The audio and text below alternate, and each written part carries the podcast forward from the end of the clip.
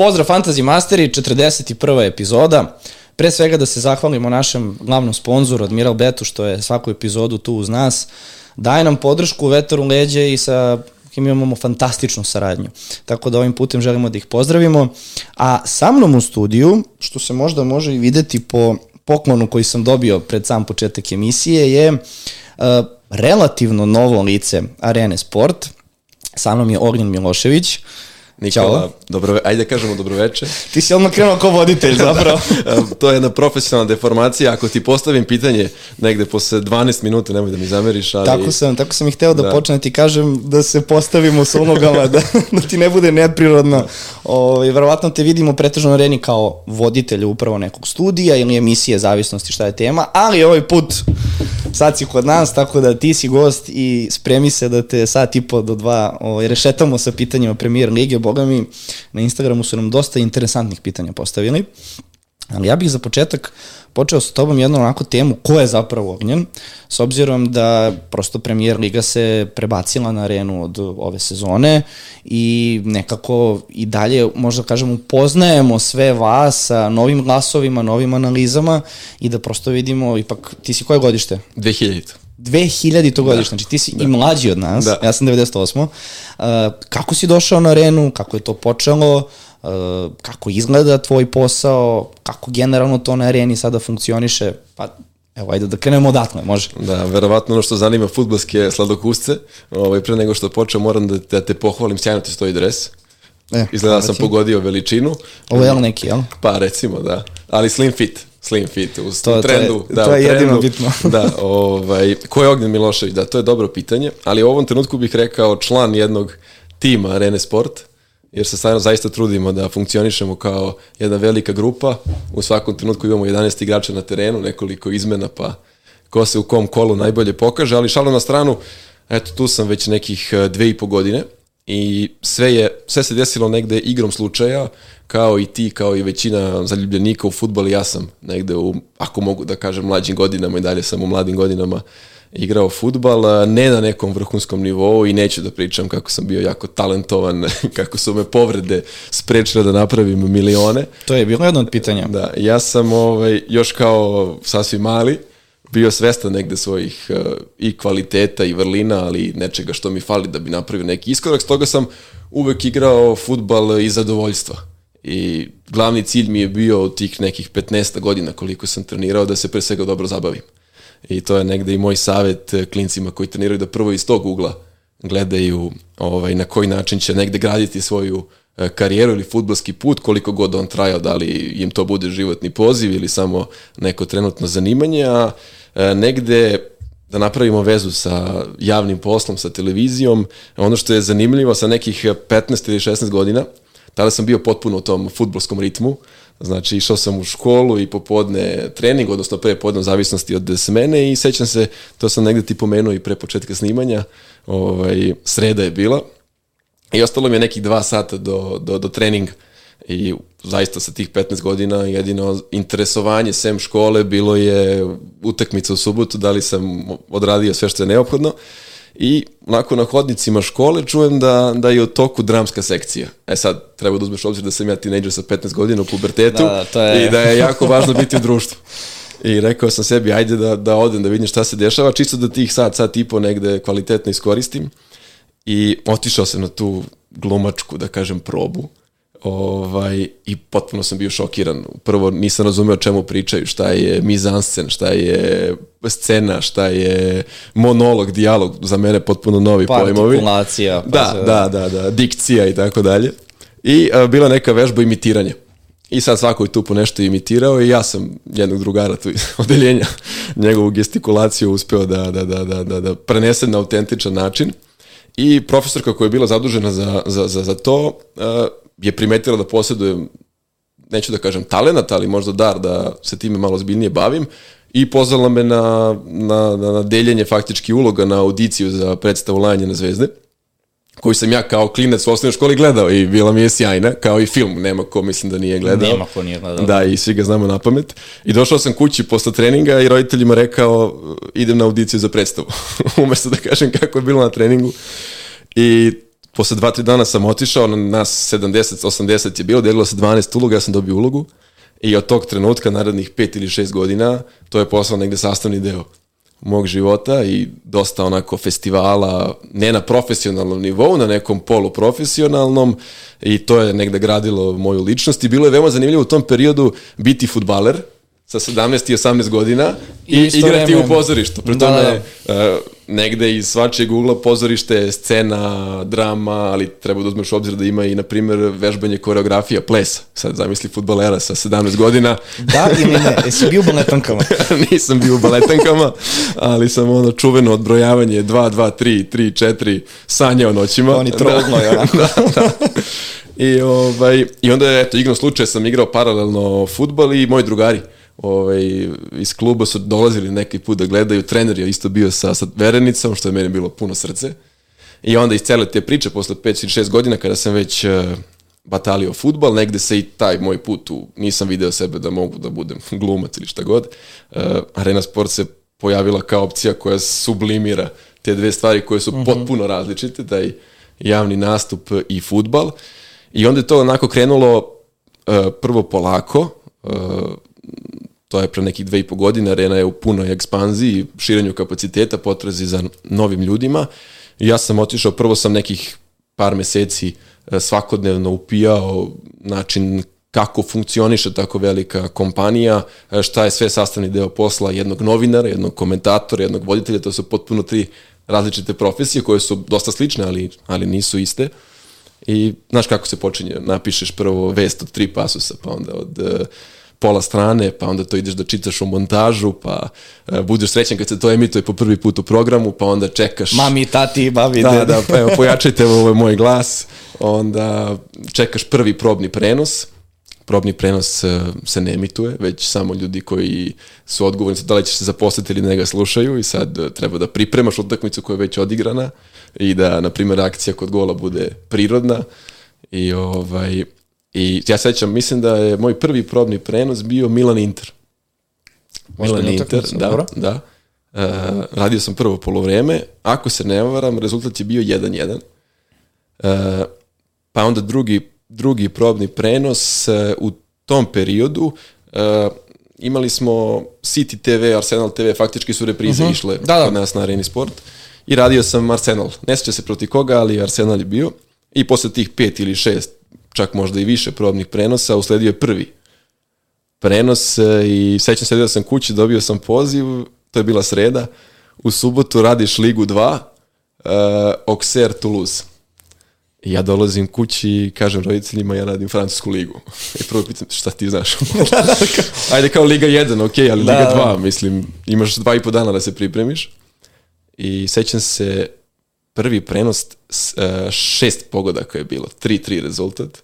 Auxerre Toulouse, Auxerre u tom trenutku se bori da uđe ponovo u Ligu 1, prvi na tabeli i taj osjećaj kada se završila utakmica onako zaista je ostao urezan e, u sećanju i onda polako napreduješ, napreduješ, dolazi ta Liga 1 i negdje cela ta moja prva godina na areni bila obeležena u francuskom futbolu.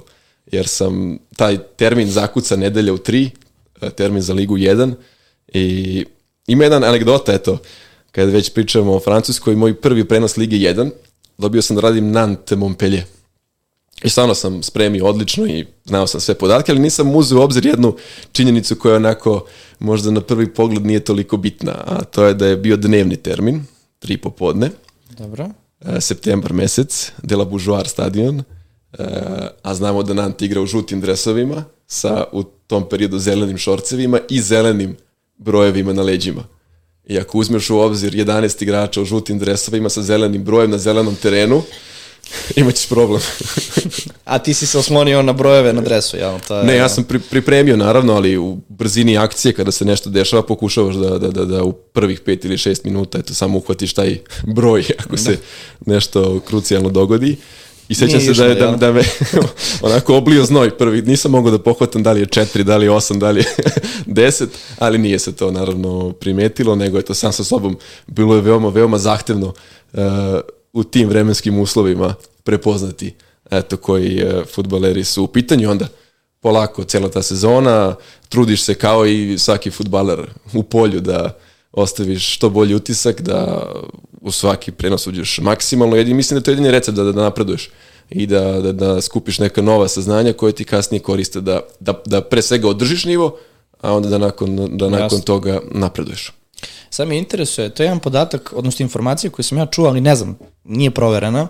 E, navodno, e, sve kuće koje prenose, odnosno jel te institucije koje sad, ako je to Arena, Sport Klub, Eurosport, imate TV prava za određenu ligu, je li istina da dobijate uh, skripte pred svako kolo, za svaku ligu, naravno, vi filtrirate sada sve te informacije koje vas interesuju, ali da oni u dogovoru sa vama pred svaku utakmicu imaju posebne ljude iz francuske, engleske, kako god, da, koji prave te... Da, to su, mislim, velike korporacije, velike kompanije koje stoje iza marketinga tih liga i ceo taj broadcast sistem je jako kompleksan, jako složen i naravno da se e, svaka televizija koja radi ovaj, e, tu količinu i taj kvalitet prenosa e, obskrbljuje kvalitetnim e, informacijama. Sad do nas je šta ćemo to, od toga iskoristiti i da li ćemo na svoju ruku e, nešto istražiti, što je uglavnom e, najčešći slučaj, jer e, svako od nas želi da po nekom e, aspektu, po nekoj informaciji e, gledaocu pruži neki novi, novi doživljaj, ali da, da to, je, to je sastavni deo, sastavni deo posla. I reci mi, ti si sad zapravo pretežno orijentisan na studio u areni, jel tako? Tu sam da. te najčešće da. Uh, video i par puta si mi, to se sećam, iskočio na, na Instagramu sa nekim La Liga promo materijalima. Da. Ta, tako sam da. ja zapravo prvi put ovaj, direktno video tebe konkretno kao to neko zaštitno lice zapravo arene. To možemo tako da kažemo.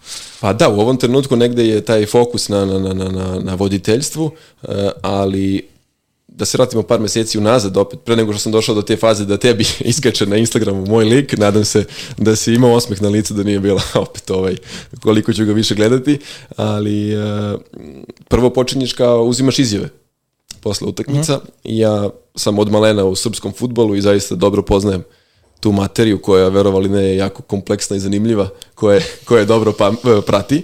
Ovaj, I zapravo sam svoju, svoj neki put pred kamerom, dakle ne iza mikrofona, nego pred kamerom počeo uh, u Mozart Bet Superligi Srbije, uzimajući izjave posle utakmica. Uh, prve sam izjave imao u Kragujevcu, tada je Nenad Lalatović bio trener Radničkog i tada je počeo taj uspon Radničkog i opstanak u ligi. Mislim da je ceo region ispratio tih uh, četiri ili pet meseci kada je napravio bukvalno preporod i, i tim koji je bio otpisan iz šampionata ostavio društvo najboljih i igrom slučaja sam iz, iz nedelju u nedelju vrlo često bio na čikadači i neću da kažem da sam imao uticaj na dobre rezultate radničkog, ali bio sam tu da ispratim njihov... Uh, Amajlije. Amajlije, da.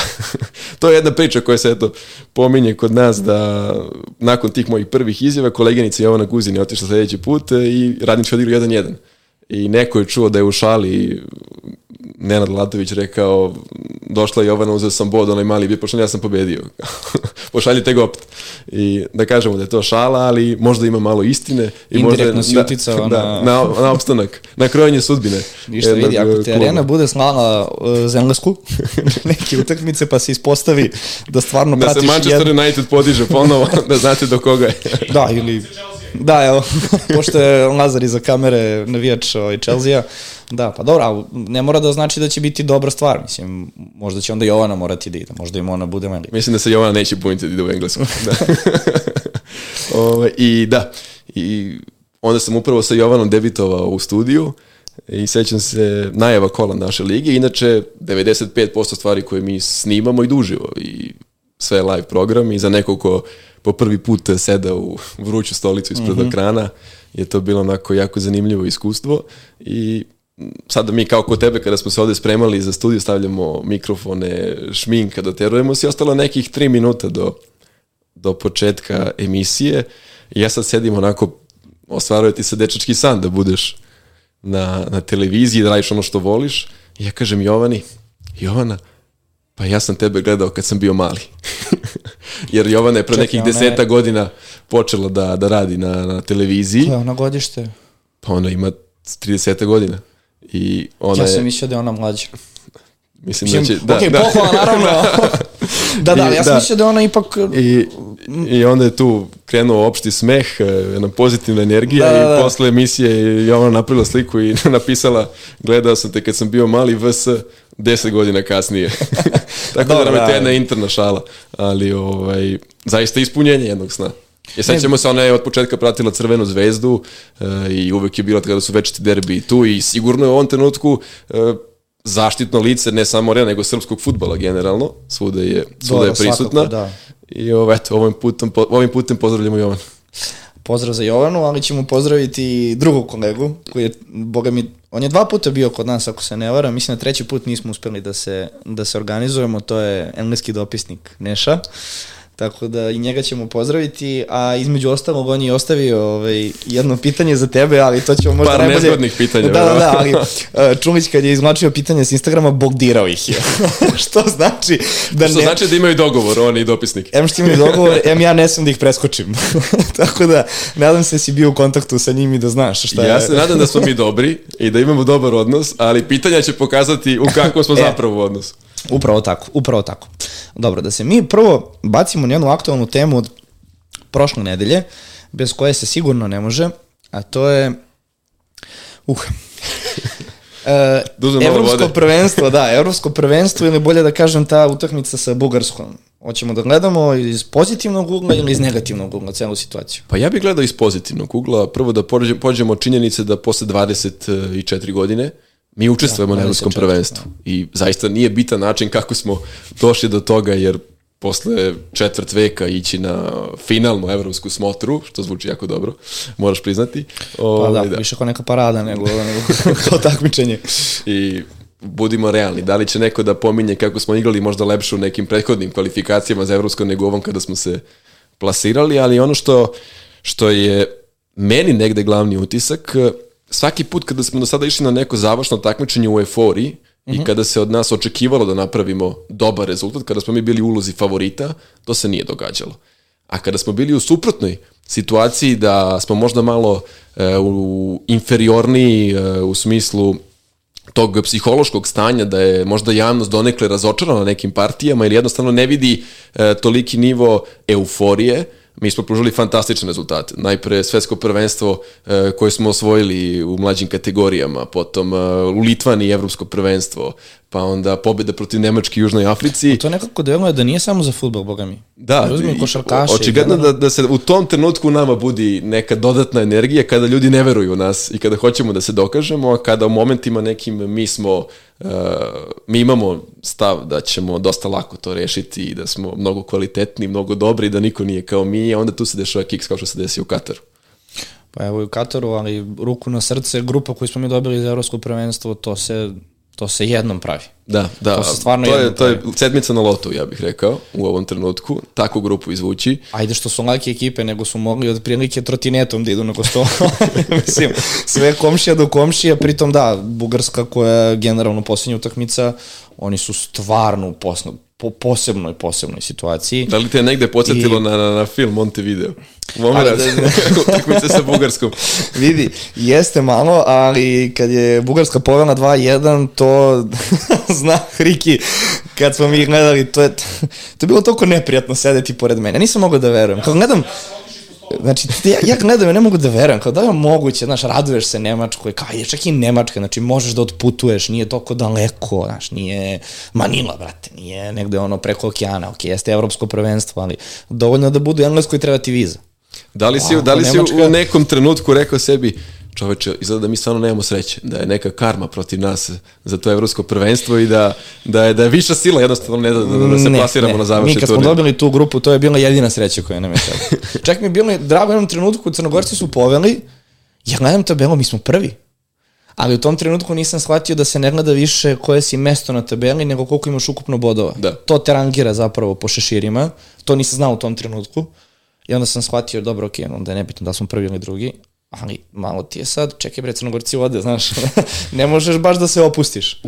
I, I onda, vode, je, i, vode. I onda je vedeta premijer lige Soboslaj negde rešio da dobije ulicu u Srbiji, ja mislim, znači, Avenija Soboslaj ja, evo, će prvom prilikom, napraviti. Prvom prilikom negde gde budemo uspeli da mu ubacimo sliku, da se vidi iza, verovatno tamo iza, ove, ovaj, inače, Inače, ne znam da li si primetio, ali ovo je u, u uzmi slobodno trofej ako hoćeš da vidiš, to je teško čoveče. Čekaj. A kao prirodna je, prirodna je veličina i stavili smo ga tu u studiju, mogu sad da idemo ustanem, ovako. mogu? A možeš, Ovo naravno, će idemo. završiti na Reelsu, na Instagramu.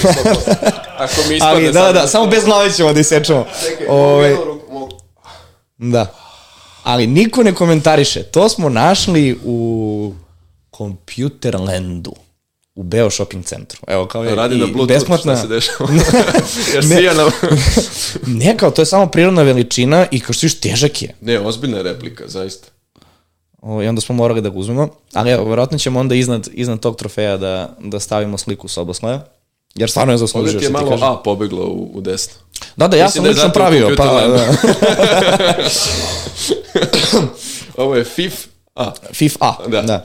Uh, u svakom Vratimo slučaju, uh, i cela ta situacija oko Pixija gde, ok, svakako on je nekako, da kažemo, bog u, u, u, našem futbolskom svetu i generalno među ljudima koji prate domaći futbol, ali da, deluje na svet, pred svetsko prvenstvo mi smo stvarno imali i lepu igru. Slažem se s tobom, mi smo pred Portugal i bili outsideri, nije to uopšte od niko očekivao da ćemo mi uspeti da se direktno klasiramo, ali igra bila jako lepa. Agresivno, ok, igraš bez bekova, što kaže Rade Bogdanović, jedina si reprezentacija u Evropi koja igra bez bekova, ali je imalo smisla. I sad smo ušli u ovu grupnu fazu, ja sam ubeđen da smo imali još jednu malo jaču reprezentaciju, to, to je veliko pitanje da li bi uspeli. Ja i upravo iz tih svih meni, razloga znaš. koje si nabrojao, sam optimista. Jer e, lepo si negde objasniš šta se dogodilo u Kataru, koje po svemu što se dogodilo bilo jako specifično. Da krenemo prvo od toga kako su dobili turnir, u koje doba godine se igralo, koliko je to poremetilo čitav Dobro, futbalski da, je- svet, e, koliko je sam sistem takmičenja e, drugačiji i koliko je, pre svega, ja bih rekao, psihološki zahtevan, jer ti, budimo realni, u tih 20 dana, e, pri tome nismo imali ni prave pripreme. Ako se ne varam, reprezentacija Srbije je imala svega desetak dana ili 12. povrede. I Na sve povrede. to, ozbiljne povrede. E, Stoga ti nisi uspeo negde, niti si imao dovoljno vremena da te neke taktičke stvari o kojima mi često diskutujemo da negde implementiraš, jer jednostavno nisi imao vremena, fizički nisi imao vremena. Sada idemo na evropsko prvenstvo koje ja po, po meni uh, je mnogo zahtevnije od svetskog prvenstva, jer ti u svakoj grupi nemaš bodove na koje možeš da računaš. Mi kada smo izvukli grupu u Kataru, mi smo već se bavili kalkulacijama.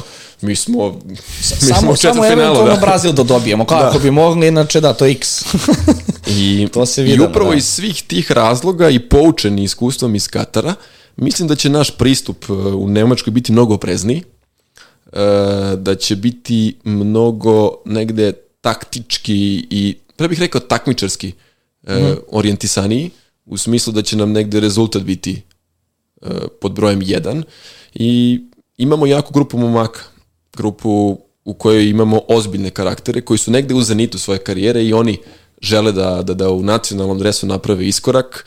E, Tadić kao kapiten, apsolutni vođa vratno na terenu, njegovo poslednje, verovatno, evropsko prvenstvo i moment da svoje ime i prezime e, ako je to moguće negde dodatno uveća, pre svega kada govorimo o nacionalnom, nacionalnom timu, pomenuo si naravno Dragana Stojkovića koji je stub e, te ekipe, koji je veliki autoritet i moj utisak je da bilo koji naš uspeh, e, naš tim koji se takmiči na velikom nivou, nebitno da li je to u futbolu ili u nekom drugom sportu, vrlo je važno da postoji taj autoritet pored e, out linije tokom svih 90 minuta i neko ko uliva poverenje igrača, jer kada dođeš u tu završnicu, više nije ni pitanje da li ćemo mi da igramo u sistemu 4-2-3-1, 4-4-2, 3-5-2 ili e, da li ćemo e, izaći na vreme u blok. Najbitnije je ta energija koja je među njima da sve vreme veruju jedni od druge i mislim da, da, da, da, da, da ovaj težak period koji je iza njih definitivno, kada su se pojavile neke sumnje u javnosti, će njih dodatno ujediniti. I da smo mi jednostavno takav narod kome niz šta, takvih situacija da. ide na ruku praktično. Znaš šta me tu plaši? Znaš situaciju na, na svetskom šta se izdešavalo od skandala, navodnih tračeva. Mi smo poznati po tome, znači kako se budu pojavili na prvoj utakmici ili u hotelu u prvom gradu u kom budemo bili, to, to će sigurno Dobro, biti neka tema. srpskom To je- futbolu je uvek bilo veoma karakteristično treće polovreme. Jeste, jeste, ali to mene plaši uvek. Pritom, ako pogledamo sad ove e, šešire, ako će ti biti lakše, ja ću ti svakako pročitati, ali u prvom šeširu su Nemačka, Portugal, Francuska, Španija, Belgija, Belgija s kojom smo nedavno odmerili snage i videli smo da možemo s njima negde da se nosimo. i opet koliko su i oni tu sad stvarno Koliko su igrali u 100% ritmu, to je. I pitanje, ali da. I Engleska. Mene taj prvo- treći šešir zabrinjava. E, to je, hoću da dođem do njega, to je, to je suština. Izvini, malo sam nestrpljiv, ali jako me zabrinjava. Čak i ovaj drugi. Pazi situaciju. U drugom šeširu Mađarska. Znači, dobijemo li Mađarsku, to će biti, ma to je to, ne mogu, ne mogu oni tri puta da nas dobiju za redom. Znači, dobijamo Mađare sigurno. Turska, ajde kao, okej, okay, znaš, to je sad već malo jača ekipa. Rumunija, da brate, dobijamo Rumuniju. Rumuni pa, 22 osvojena boda, prošetali se Ma kroz ne, grupu, ma dobije, pa ne možemo. bez poraza. Pa kako da izgubimo drugo, ne možemo. Dobijemo. Danska, okay, kao respekt. Koliko imaju... Skandinavci, nezgodni. Tako je. Albanija. Zamisli ti izvučeš jednu Tursku ili Albaniju u Nemačkoj. Pa to je... Austrija. Znači ja vidim već uh, situaciju gde mi sve ove ekipe dobijemo. To je 3. decembar ili 4. ako nisam... I sad, mislim, mislim, pravo. da je pravi trenutak da pređeš na I, treći i šešir. treći šešir. Imamo Holandjane, njih ćemo da ostavimo po strani. Ok, pa je sad. Škotska, Slovenija, Slovačka, Češka. I, i Hrvati. Znači, Generalno, našoj javnosti, kada pomeneš Slovačka i Češka, to je kao da si istu reprezentaciju pomenuo. Da, ja mislim da mi nemamo sposobnost da Češka against razlikujemo. who? Da, Slovačka, da, Čehoslovačka i dalje ili nije, to je Jeste, pitanje. da. I nekako Poljsku stalno sa njima stavljaju isti koš. jeste, ali njih nema. Njih nema, ali generalno u, u, javnosti kao da je u pitanju istih 15 igrača. I čak i u našem šeširu su trenutno Italija i Švajcarska, hvala Bogu više da ne igramo s da, njima jednu utakmicu.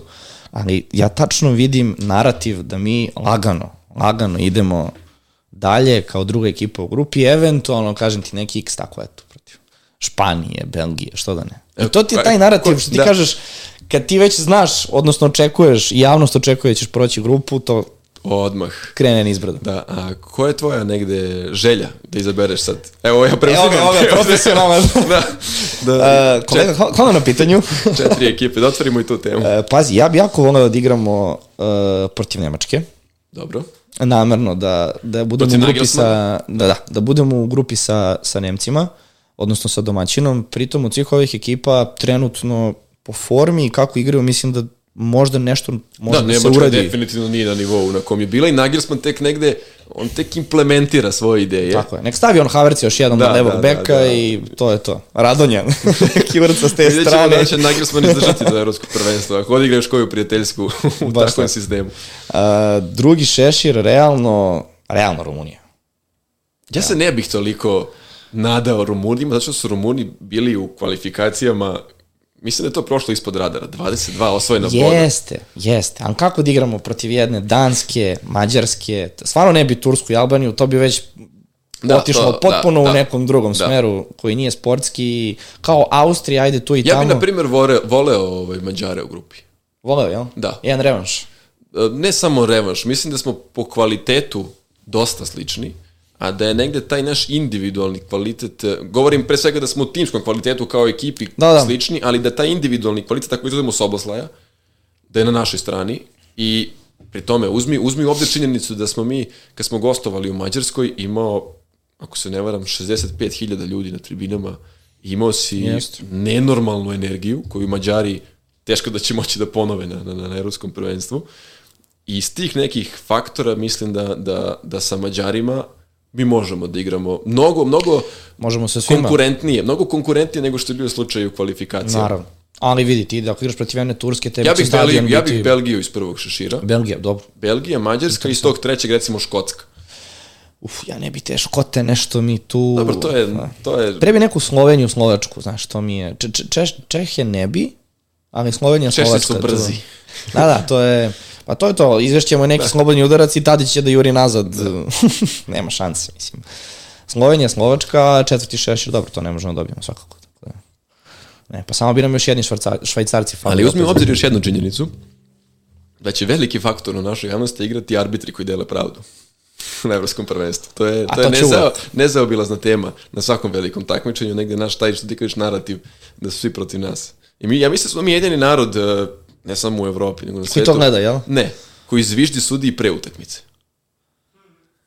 Da li se to negde Pa primetio? mo, moguće Brazilci. Moguće. I Južnoamerikanci, ajde da ne ispadne sad da sam samo Brazilci, ali Ali, mislim, meni je to neverovatno. to mi tako delo. Pa dobro, vidiš, da, interesantno. Ali, da.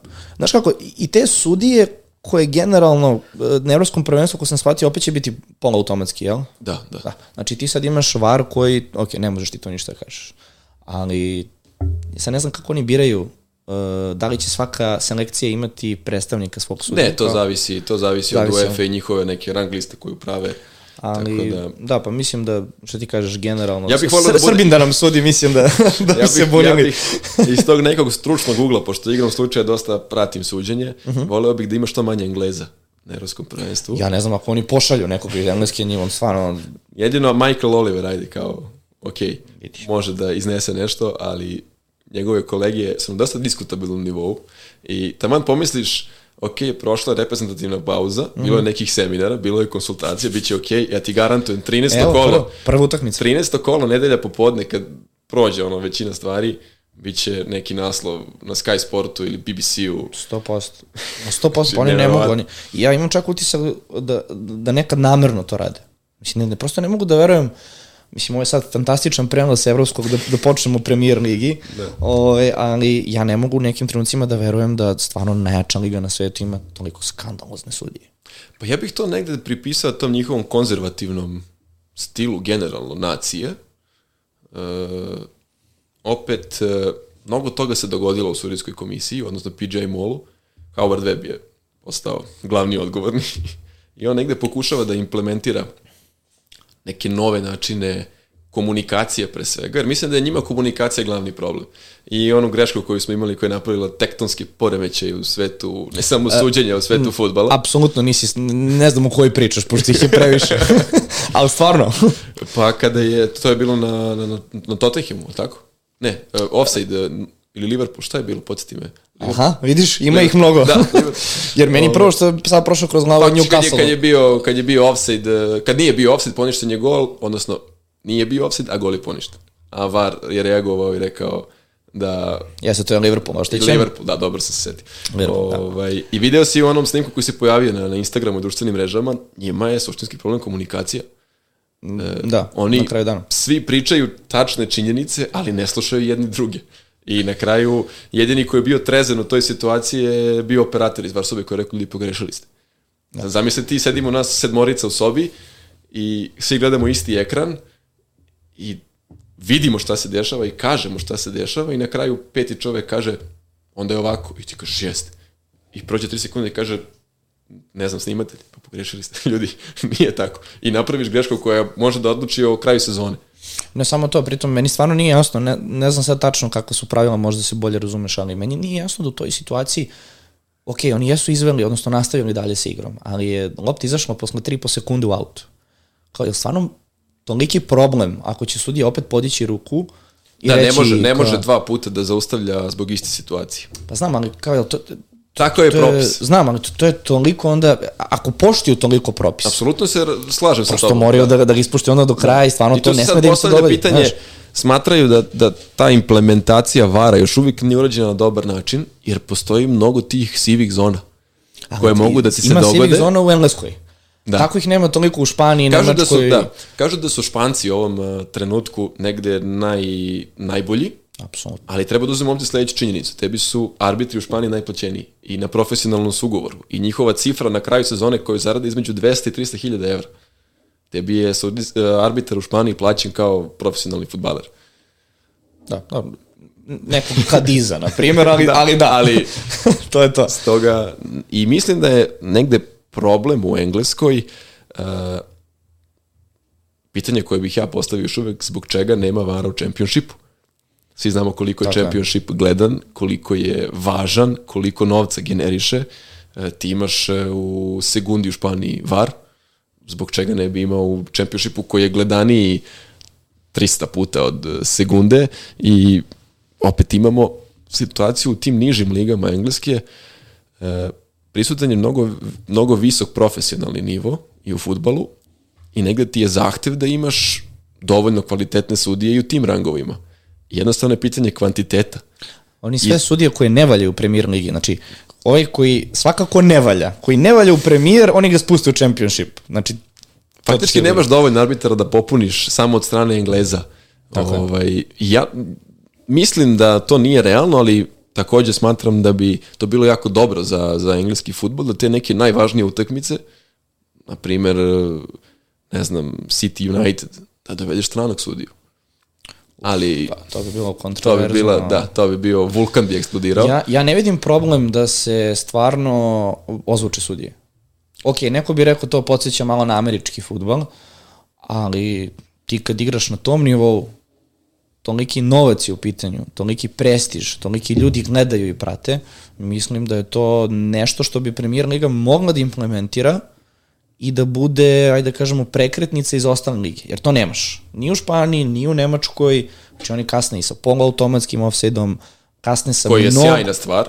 Apsolutno sjajna stvar. Jeste tu sada, samo može da ti se desi da ti je ono kosa u offside-u, a ostatak tela nije, ali opet offset je offset. I, i da. mnogo brže funkcioniše i ti tu nema, kad dobiješ onu sliku ti kao, brate, ne, znači, ili jeste ili nije, nema tu sad tumačenja. E sad tu se postavlja drugo pitanje, sad otvoramo sto tema, pitanje koje ćemo zatvoriti. Uh, kada govorim o poloautomatskom offside, sad postavljaju pitanje duha igre, šta je u duhu igre, šta stvarno stvara nečiju prednost ili ne, sad Wengerovo pravilo, tako Jest. koje, koje Meni to glupo, ti, to, to, kako ti zvuči? Uh, više ne znam, šta je, šta da, da, više ne znam, ne znam šta da mislim. Uh, imaš taj poluautomatski offset koji to ti kažeš gleda bukvalno 3 mm, onda imaš Wengerovo pravilo koje može ti dozvoli da si pola metra faktički u nekom raskoraku. U suštini, raskoraku. ako sad neko ne zna ili da. prvi put čuje, Wengerov offset znači da je igraču dozvoljeno da bukvalno sa 99% tela bude u offside-u. Dok god jedan deo tela je onside, igrač je onside. Zamisli koliko će to imati uticaj na taktički pristup. Ne samo to. Nego... Kada govorimo o dubinskim loptama, Tako napadanju prostora, tebi onda u bilo kom trenutku uh, špic može da se pozicionira tako da, da stvara prednost u tom nekom trčanju u prostoru odnosno na defanzivca. Ti sada toga nemaš. Koliko Absolut. će to da koristi jedan dezerbi, recimo sa Brightonom? Primera ili, ili ne znam, uh, neko ko forsira upravo to napadanje dubine. City, Guardiola, gde će stajati onda Haaland i, i ekipa gore u, u završnoj ja, ja sam ubeđen da će se to implementirati, na zašto? Zato što to favorizuje napadače. Da. I u interesu je televizijskih kuća i, i prosto većih priliva fanova i u ovom smo trenutku gde su društvene mreže toliko popularne i suština je da se strateški privuku mlađi, mlađe generacije. Oni ne žele da gledaju utakmicu koja je 0-0, 1-0. Oni hoće 6-6, oni hoće da. 5-4, oni A hoće to... utakmicu kao što je bio sada City Chelsea. To privlači publiku. I oni moraju da promene donekle pravilo, da ono bude tako, da ti možeš da imaš jednog Halanda ili celu ekipu koja će ovako da preskoči zadnju liniju i da da tri komada. Kao Jest. što imaš u NBA-u sad, Jest. kad je utakmica posljednji put bila ispod 100-100. Jeste. Opet, znači, već to negde forsiraju kroz nadoknadu vremena koje vidiš da svaka utakmica traje kada saberemo nadoknadu iz prvog i drugog polovremena preko 105, 106, 107 minuta. U odnosu na pre, to je skoro 20 minuta više. I mi smo, ne sećam se pred koje kolo to bilo premijer ligi, ja sam vodio studio i bavili smo se statistikom koliko je golova postignuto posle 90. minuta. Mhm. -huh. I bili su neverovatni podaci, tipa 25% više nego prošle sezone. Zamisli na, još smo tek bili posle sedmog ili osmog kola. Zamisli kad taj broj negde isprati taj trend rasta do kraja takmičarske godine. Pa doći ćemo do, do tri puta više golova u, u, u, u, u poslednjih 7-8. I on sad to implicira pitanje fizičke pripreme. Pitanje, onda svi sad zaboravljaju, nekako je to na mala vrata ušlo, a mislim da je napravilo ogromnu promenu u futbolu, je pet promena. Apsolutno. Pa dobro, korona Zbog, je diktirala, ali tako je. korona je prošla i ti si ostao na tome. Pa ko će sad to da vraća? Pa I to je... zamisli koliko je to promenilo futbol u srži. Ti imaš pola novog tima. Imaš ne mogu prosto ni da objasnim koliko je to Zavisi za koga, mislim, Guardiola je i dalje na dve izmene prilike utakmici. Da, dobro. Njega to ni ne interesuje. E, evo, da ti umožim jednu žalbu, da preneseš kolegama, s obzirom da si spomenuo uh, produžetak, koji traje po 7-8 minuta. Dakle, desilo se dva puta od početka sezone da je prenos e, premier lige na areni, ne znam, 3, 4, 28 koje god, kasnio zato što je bio produžetak utakmice pre toga i ti čekaš i kasniš na utakmicu i propustiš prvih 6-7 minuta. Molim vas, to morate nekako kako kažu da u kompanijama žalbeno odeljenje na drugom spratu, Pa, mislim, stvarno. obratite se. Pa mislim, ono, gledam, ne znam ono šta je bilo, pa sad Surdulica, Čukarički, 98. minut, a ono, ne znam, United igra protiv Arsenala, 24. minut. Ali dobro, mislim, šalim se malo, ali stvarno da, mislim, to je i vama A vidiš koliko problem. su zapravo nadoknade napravile problem. Tako je, još ti ispuštaš I, evo, reklame, lep, lep, sponzore. lep si primer naveo. 12 minuta, 10 minuta u bilo kojoj ligi to totalno sve remeti. Nešto što je, ti si pre mogao da znaš, utakmice počinje u 4, u najgorem slučaju završava se u 6. Sad će se završi u 6.07, 6.08, u zavisnosti od, od, od, od nadoknade i, i sudije koji procenjuje koliko ta nadoknada iznosi. Upravo tako. Zato u subotu od 13.30 imamo, a? si vidio prenos opet. u subotu od 13.30 uh, da počnemo premier ligu konačno, imamo i... Samo pa, pomeni još jedan svakako, 13. kolo. Hoću da najavimo da će se desiti nešto čudno. Znači, Ako vidi, ako se 13. do sad nije desilo nešto čudno, onda ne znam šta nas čeka u ovom kolu, stvarno. O, imamo, dakle, prvu utakmicu Manchester City i Liverpool, definitivno i derbi kola, možemo reći. Je nam dovoljno sat i po samo o tome da, da razgovaramo. Kako god ti želiš, svakako, ali svakako je utakmica koja obeležava 13. kolo. Uh, Manchester City, u stvari, ajde počnemo ovako, kakav ti utisak od početka sezone? Što se tiče i City i Liverpool. Moj jedini utisak o premier ligi u ovih uvodnih 12 utakmica i najjači utisak, sad ćeš možda da se malo naljutiš na mene, nema veze sa City i Liverpoolom, je jedan veliki gospodin i veliki stručnjak koji je napravio takav eh, tektonski poremećaj na futbolskom tlu, eh, gospodin Postekoglu, i mislim da nismo ni svesni kroz par godina koliko će taj njegov pristup i njegov rad imati veliki značaj i koliko može tek da dođe na neki nivo ne mogu da kažem kao Guardiola, potrebno je mnogo vremena, ali u rangu sa u ovom trenutku mislim da je već blizu Dezerbija po pitanju implementiranja nekih novih ideja. Naravno, dvojica, falit će, da, mal- falit će mu trofeji, to je činjenica da bi ga svrstali u red onih prve postave. Pa dobro, Da, svakome falio. da, ali mislim da sa njim na, na, na, na, na klupi Tottenhema navijači mogu da se nadaju trofeju, ne u ovoj sezoni, trebamo vreme, ali mislim da već naredne takmičarske godine Tottenham može da se bori za prvo mesto. E sad, City Liverpool, hoćemo da krenemo od ovog termina kojem se igra. 13.30, da, Da, da, da. To je jedno od pitanja. Zašto opet Liverpool igra u 13.30 u subotu? Mene to, to nije prvi put ove sezone, ako se ne varam. Šesti, je li tako? Šesti, a nešto Tipa- desetak je bilo od, ove, od početka kalendarske godine. Od poslednjih, na primjer, 20 i nešto termina, subotom od 13.30, skoro 13. Ajde da, da zaokružimo. Da. Znači, Znam da je bude Klopp na, 13. na konferenciji za medije, ne jedno, već tipa tri puta rekao on nema smisla da igramo u tom terminu. E sad, zbog čega? Iz njegovog ugla prvo nema dovoljno vremena za oporavak. Uh, ti kada igraš popodne, ujutro imaš aktivaciju, imaš sastanak, imaš neki normalan ritam. Ti kada igraš u 13.30, što je po engleskom vremenu 12.30, 12.30, tako. ti moraš da si u klubu u 8 tako je. ti si spavao 6-7 sati, igrači su spavali. Uh, ceo taj biološki ritam je poremećen, opet City nastavlja ligu šampiona, a negde, koliko sam vidio u engleskim medijima, odgovor na to pitanje je upravo to što njihovo učešće u, u Evropi, nemogućnost da igraju nedelju popodne, opet subota popodne mnogo opterećena od strane policije drugim nekim događajima i ali opet derbi. Mislim, mora u derbiju nešto da bude specifično. Da, i taj, taj drugi, drugi argument da je to termin, si upravo i rekao malo pre, to je termin koji istoku i zapadu odgovara koliko toliko da mogu Pri da tome prate. mi nemamo predstavu koliko je to tržište negde isplativije, finansijski moćnije od evropskog. E, Znači, e, 12.30 u Engleskoj, ako se ne varam u Kini, 7 sati unapred, pola 8, Tako, oko 6-7 Bliski valjda. istok 8, imaš uh, ceo taj Ne deo znam, znam sveta. napamet. Znam otprilike, znači Ameriku, recimo od 6 Ameriku do 8 računaš sati 6 unapred. sati. Da, unazad, da, ovamo Unazad. idemo unapred. Tu je malo zeznuto. Da, malo ali zeznuto, ako uzmeš subota uveče, koliko samo ljudi sa istoka gleda City i Liverpool. To je njima... I mislim da je to pravi negde odgovor. Zbog čega? E sad, utakmica kao utakmica, uh, ja još uvek ne mogu da prihvatim City bez De Bruyne-a, bez mozga ekipe, ali Alvarez vidimo da raste i negde preuzima njegovu ulogu. E, to nisam očekivao, da će on da negde figuriše kao... Mislim da nije niko u suštini. Da, da, kao playmaker, jer to nije njegova prirodna pozicija i sad ja generalno volim statistiku. I malo sam se bavio statistikom, pogotovo za Alvareza i u ovoj e, sezoni, na primjer, on ima e, tri puta više ključnih dodavanja po utakmici, odnosno na period kad je došao. E, mnogo više udaraca i mnogo manje kontakata s loptom.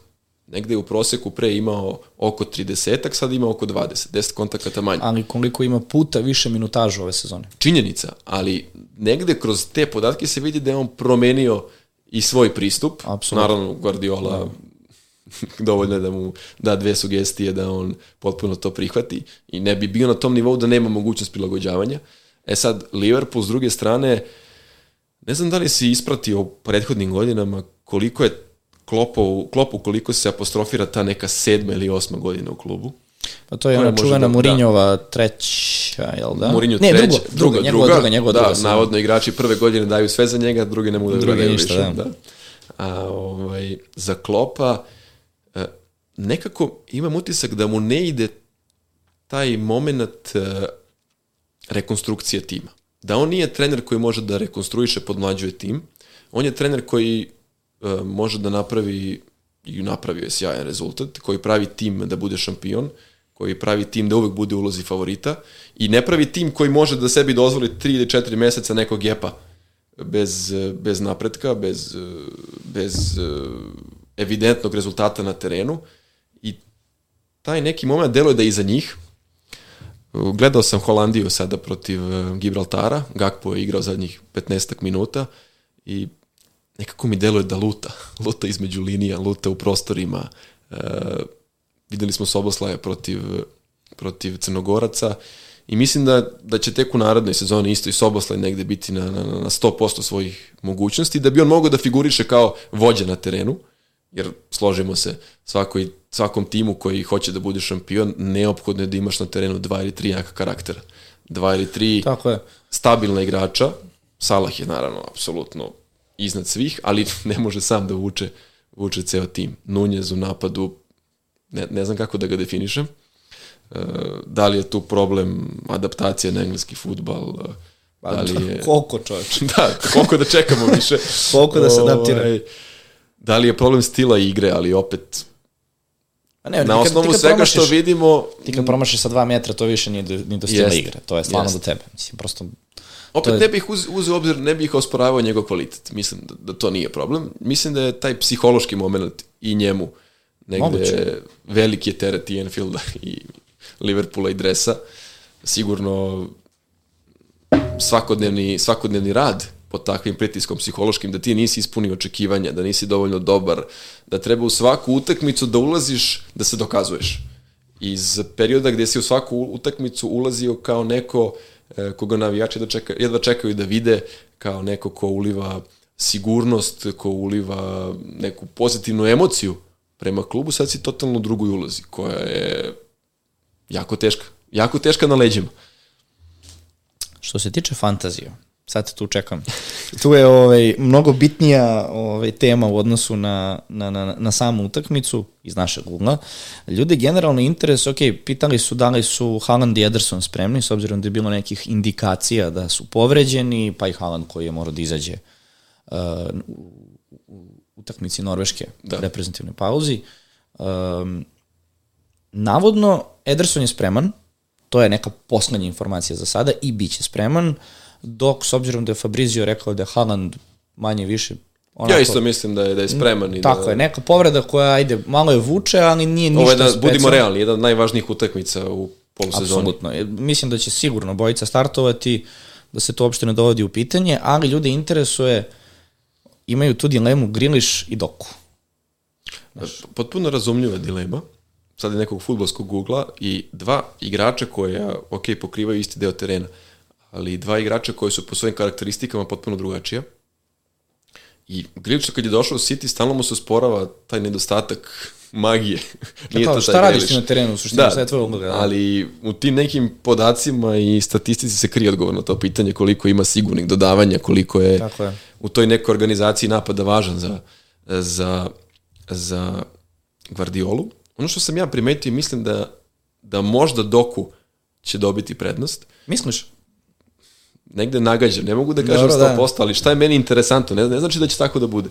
E, od kada je Alvarez preuzeo ulogu desetki faktički kreatora igre, svojim ulaskom u sredinu, mnogo je više ostavio prostora na boku. A tebi Griliš konstantno ima tendenciju da ulazi u sredinu. Prilikom prijema lopte, između tih linija traži prostor, Doku nije takav igrač. Doku voli e, distancu, voli prazan prostor ispred sebe, veoma je opasan u situaciji, jedan jedan ima tu fizičku moć -hmm. da napravi razliku. Igraju protiv Liverpoola, čiji naravno najveći kvalitet između ostalog je ta brza tranzicija, mnogo promena poseda, mnogo trke i iz tih nekih uh, razloga meni ne bi, ne bi me začudilo da se Doku nađe u startnoj postavi i to bi možda moglo da bude iznenađenje Guardiole, ali opet Griliš uh, uz iskustvo koje ima neosporan kvalitet, uh, mogućnost da reši neku situaciju sobstvenom kreativnošću uz Alvareza, jednostavno obe solucije imaju za i protiv. Da, protiv, protiv. Pa mislim, imaš i gledamo, Arnolda kao desnog da. beka koji vrlo verovatno kad ode napred, to je to. Mislim, šta da. on može da, ako dok krene trči na njega, šta će da uradi? Da, upravo tako. A Griliš nije igrač koji tim Naravno. distancama može da, da, da parira Arnoldu. Naravno.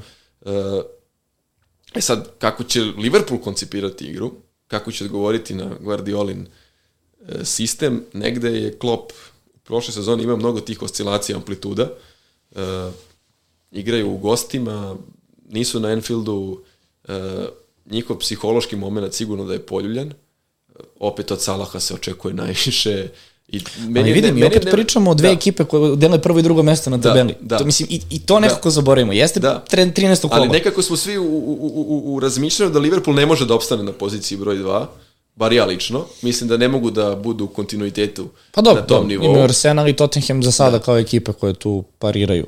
Mislim. I mislim da, da Liverpool Vidio, ne znam da li si ispratio meč protiv Toulouse u Ligi Evrope. Nisam ga gledao. Da, ali, ali da, taj meč je negde pokazao koliko su ranjivi i koliko jedan drugačiji pristup Toulouse koji da. je jako otvoren, jako direktan je možda iznenadio Klopa. Ok, ne, su, ne smatram da je njima Liga Evrope primarno takmičenje, naravno Premier Liga je primarno takmičenje, ali upravo taj meč pokazuje da imaju amplitude i da nisu konstantni, nisu psihološki stabilni i sad e, pominje se u medijima, ako sam dobro ispratio, da je Xabi Alonso možda novi trener Liverpoola, figurira za klupu Reala, da, da, da. figurira za klupu Liverpoola.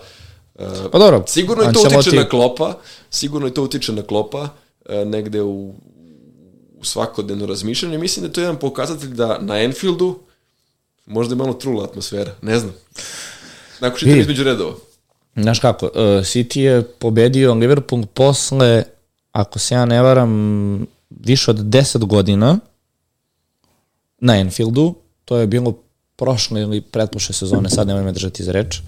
Dakle, ja znam kad se igra na Enfieldu, kad god pratim utakmicu, to Liverpool dobija 2-0, 3-1, 4-1, 4-2 eventualno. Ali što se tiče uh, priče oko Doku i Griliša, ja imam baš kontrateoriju, da će on, kao što je protiv Chelsea izveo Dokua, što sam i očekivao. Mislim da će e, startovati Griliš, e, jer siguran sam da Guardiola u ovakvim utakmicama želi kontrolu. Apsolutno. I ti znaš da će on na sredini terena imati Bernarda i Rodrija, koji će tu diktirati Rodri tem. koji je cement sredine terena. Apsolutno, apsolutno. I Bernardo koji će biti tu zujelica uz njega. Da. I Griliš koji je tu kao siguran, uh, kao sigurno levo krilo, pored naravno Halanda i Alvareza i polako da idu napred, da osvajaju prostor i da probaju nešto. Ne verujem da će dopustiti sebi da ima jednog dokua koji će da na svakih, svaki 3 sekunde da dribla, ok, možda proba i sa tim, ali više očekujem da će ga onda ubaciti u 60. 70. minutu nešto da proba. Meni to samo mi taj moment logičnije. forme, forme dokua koja raste iz nedelju nedelju i, i vidi se da, da, da, da, je, da, je, da se privikao na, na, na premier ligu, jer Liga 1 takmičenje koje ima mnogo golova, e, mnogo promene rezultata, mnogo se gube bodovi u finišu utakmice, mnogo oscilacija e, i igrači koji dolazi iz takve lige potrebno mu je sigurno određeno vreme da uđe u taj engleski ritam negde da moraš sve vreme da budeš na 100% svojih mogućnosti. Ako budeš na 99 imaš milione ljudi koji će ti da. iza leđa i koji će te u medijima negde napadati. E sad, mi možemo da pričamo o utakmici još 25 minuta, pa dobro, ali, ali uh, kada govorimo o favoritu, sve sem pobede City u ovom trenutku, meni bi bilo iznenađenje, jer uh, kao što se i pomenuo, mi od City-a znamo na koji način će igrati, uh, nema prostora za iznenađenje, Rodri i Silva na sredini terena, ja ne znam ko u ovom trenutku, ne samo u premier ligi, koji vezni tandem može da im parira, jer su toliko kompatibilni. Uh, pa da. Rodri, ja sam svojevremeno njemu dosta onako istraživao i čitao i podatak da je on momak koji je igrajući u Španiji paralelno završavao državni fakultet, živeo u internatu, jest, u interna, jest. vozio Opel Corsu, Zamisli kako... Ja mislim da i dalje vozi. E, zamisli... Ako nije, onda je da. Zamisli, zamisli koliko, je, kolika, je, kolika je njegova psihološka moć, koliko je on jak u glavi, kakav je on karakter. Apsolutno. E, opet to negde silu oslobađa tog defansivnog posla. E, Alvarez je tu. E, e sad, taj, taj levi bok, da, biće, biće zanimljivo ovo što si rekao ima jako smisla, ja sam razmišljao o tome, ali nekako se u poslednjih par godina često dešavalo da u tim važnim utakmicama Guardiola želi ljude da impresionira nekim rešenjem koje niko ne vidi. To smo imali u finalu Lige šampiona. Nemoj, nemoj. Inače, ako nisi znao, na, ja navijam za njih i onda te i, da impresionističke, da ne, ne, nemoj me. Znači, što se mene tiče, meni sad žao što je Stones povređen. Taman se vratio i krenuo da igra prošlu formu, odnosno prošle sezone i opet ništa. Ali. Imali smo pitanje, s obzirom da smo spomenuli Trenta, s druge strane imamo Cimikasa, koji popunjava prostor koji je ostavio Robertson. Uh, ljudi razmišljaju da li ga treba prodavati, s obzirom da igraju protiv City-a, koliko će golova pasti, da li može nešto da uradi. Ali s druge strane, Liverpool nakon toga ima, ima Fulham, Sheffield i Crystal Palace kao utakmice. Da, gde sve sem njihove pobede bilo bi apsolutno Upravo tako. Razočaravajući u najmanju ruku. Upravo tako. Ali Cimikas kao igrač, prvo njegova fizička pojava ti govori nemoj da mi veruješ. nisam, nisam sam svoj, očigledno, nisam... Dobro, izgledao je dobro. Posljednjih par utakmica, stvarno, djeluje kao jedino rešenje govor za tela, kao da mu glava nije tu. Bude mu 15-20 minuta, pa ga 7 minuta nema. Pa opet 15-20, pa ga nema. Opet pozicija uh, i on luta. I on isto je futbaler koga ne možeš da čekuješ neku konstantnost. Nije, ja volim igrače kao što je Rodri. Ti ga tu staviš i znaš to će da bude tako i tako. A Cimika se, možeš to da kažeš za njega?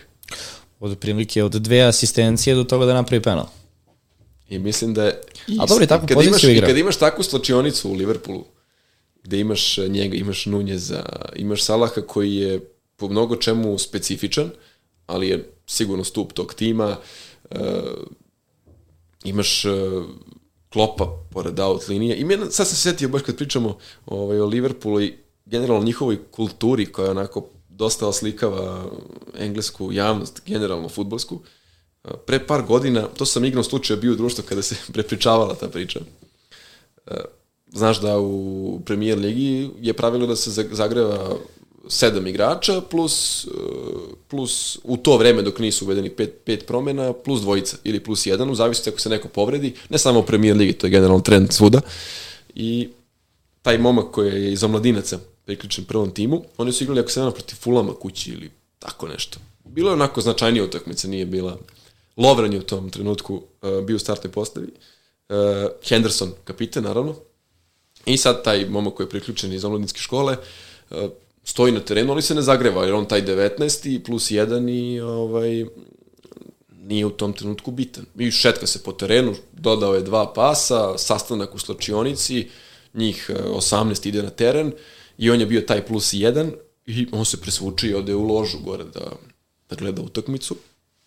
Pobeđuje Liverpool, jako se ne varam, 2-1, e, na polovremenu je bilo 1-1 što neizvesno, silazi posle slavlja u slačionici i tako dalje i Lovren prilazi tom momku i onako pogled nervozan, e, jel si se okupao posle, posle zagrevanja? I ovaj kaže, pa nisam, nisam se ni zagrevao, samo sam bio u kopačkama i ovaj, popeo sam se gore, nisam se oznojio. On kaže, prišao mi je Henderson na polovremenu i pitao me je, jel se onaj mali istuširao posle zagrevanja. I u tom trenutku sad zamislio mladince koji je priključen Liverpool u prvom timu, nije još ni debitovao i kapitan je primetio na poluvremenu u utakmici u kojoj gori sve da se ja nisam istuširao. I kaže Lovren, moraš da, da mu se izviniš. I sutrada na treningu on kod Hendersona, Henderson kapitan, onako institucija, kaže, rekao mi je Lovren, šta je problem, izvinjavam se, neće se ponoviti. On kaže, ne, jednom kad oboješ kopačke, možda stojiš u mestu 15 minuta na interesu, možda se istuširaš. I mislim da, da, da ta priča negde dovoljno govori koliko je sve to više od futbala, koliko je... Da vidiš, to se kad čuješ takvu priču, onda ne dovodiš u pitanje, dobro, zašto je Henderson od svih igrača bio kapitan? Da. I to iz nekog ugla sad nekoga kog gleda. Zašto nije Salah, Mane, ko je sad sve bio, Van Dijk, Alisson. A onda imaš takvog jednog lika koji Navodno, je očigledno... Mane, Mane ne zna da plati račune. To sam čuo. Da ima čoveka koji mu plaća Čekaj, račune. Pa gde vadiš te informacije, stani? Pa, Ne znam, proveri. Ako imaš kod koga, proveri. šta ne znam plati račune, jel? ne, no, ima čoveka koji mu sve to završava. Samo trening i kući sedi i to je to. Pa dobro, okej. Okay. Ne, ne, kaže to, uplatnice, transakcije, novac. Kakvi, nema, ša, nema, nema trika da, da, da Samo pohvati. pošalje svojima i to je to. Da. u suštini, upravo to je to. Kad čuješ tako neku priču, Da. onda kažeš, pa možda ima logike što je neko takav zapravo kapitan ekipe. Jer mora da ima i očigledno tu nešto. I mora da ima, da, ima da, da ga ostali futboli respektuju. On mora da bude autoritet. Apsolutno, da. On mora u trenutku kada na terenu je situacija takva da je, postoji tenzija, da se lomi rezultat, da kad ti pogledaš u njega kada ti nešto kaže, da ti to primiš kao, ne kao njegovu ljutnju, bes, već kao način da pomogneš ekipi. To mislim da fali mnogim timovima trenutno, ne samo u Engleskoj, budimo realni, generalno u Evropi. Izgubio si Pa hoćeš da pričamo o Brunu kao kapitenu jednog Manchester Uniteda. u Manchester United kao... Uf, čekaj. kao, Pazi, ja imam inače, možemo mi do sutra, nije, imam, nije imam, pro... imam, naš jedan kolega na postu, koga verovatno i vi znate, Filip Marković, prepoznatljivi glas ne samo engleskog futbola, nego južnoameričkog. Ja mislim da je on najveći fan Manchester Uniteda ne samo u Evropi, čak više je fan od ovih u engleskom. Mislim broj jedan fan na svetu. I kada se potegne tema Manchester Unitedu kod nas na poslu, e, nemoj da ste u blizini, jer ulazite u ozbiljnu raspravu gde barata uh, podacima koje mislim da ne zna ni Alex Ferguson, siguran sam. I, o, ali, Znači, moramo da ga dovedemo. da, da, da. Mislim da vam ni četiri sata uh, razgovora o Manchester Unitedu uh, neće biti dovoljno. Znači, veliki ljubitelj Fleetwooda, Aha, i to postoji u Srbiji. Tako da taj spoj Uniteda i Fleetwooda mislim da, da ti svašta ću čuti do kraja epizode. ti je jako zanimljiv. Ovaj, ali generalno, ok, ako govorimo o Unitedu, uh, svi napadaju Ten Haga, ali jedino što mo, šta može da s, neću da kažem smiri United, da, da ga vrati u neku pozitivnu energiju, treba ti veliko ime pored terena, ime koje može da nosi teatr snova, ime koje, uđe, koje kad uđe na Old Trafford ima poštovanje svih. Ne samo igrača, trenera i čistačice i one žene što se pojavilo u Beckhamovoj seriji koja prima pisma, jer da. United je institucija, eh, United je kultura, Pa pazi, oni ni da nisu imali. Bio je jedan Mourinho. Ali- ako gledamo iz trenerske perspektive, Mene da pitaš ko bi u ovom trenutku jedini mogao u svetu futbola da smiri javnost Manchester Uniteda je Carlo Ancelotti.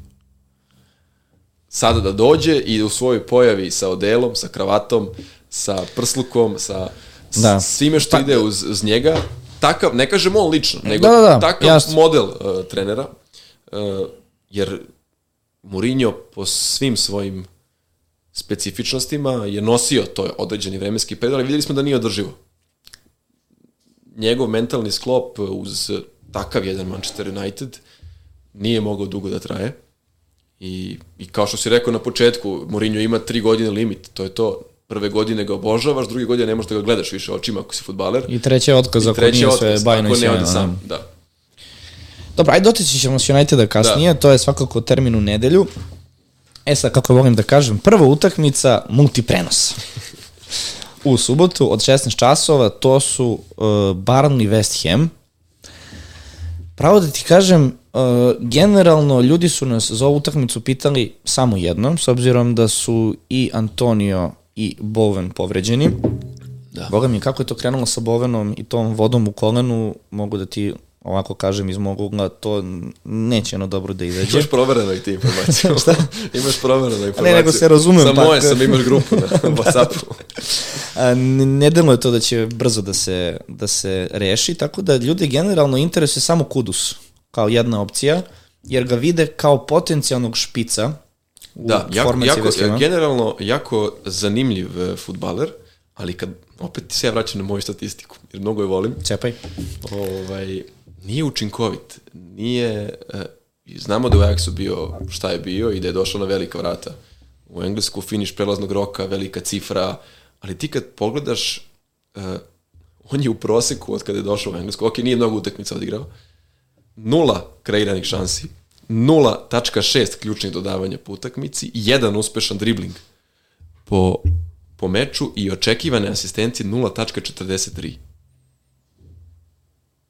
da uporedimo to sa Arse, ovim uh, Ajaxom, imao je u proseku nešto više uh, uspešnih, uh, uspešnih uh, ključnih dodavanja po utakmici između 1,5 i 2, očekivane asistencije 0,70, ako se ne varam.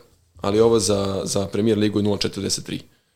I sad, svi znamo na, na kakav način je došao u Englesku, očekuješ da napravi revoluciju Jasno. u timu, da preuzme odmah e, odgovornost, ali to brojke ne govore. Jeste, ali imaš drugi ugao. Oni nemaju više nekoga ko je klasičan špic. Ok, imaju ono, sada neke sa klupe koji možda mogu da popune, ali svakako su mnogo inferiornije imena u odnosu na Kudusa. Da. West Ham je interesantan ove sezone. Ok, što ti kažeš, imaju amplitude, ali opet mnogo ali tu su, bolje. Tu su, konkurentni su, nije Oni imaju amplitude padova ove sezone. Prošle sezone su imali amplitude dobrih utakmica. To je To, to, je to moje ključno. prati čitavu karijeru. Tako je.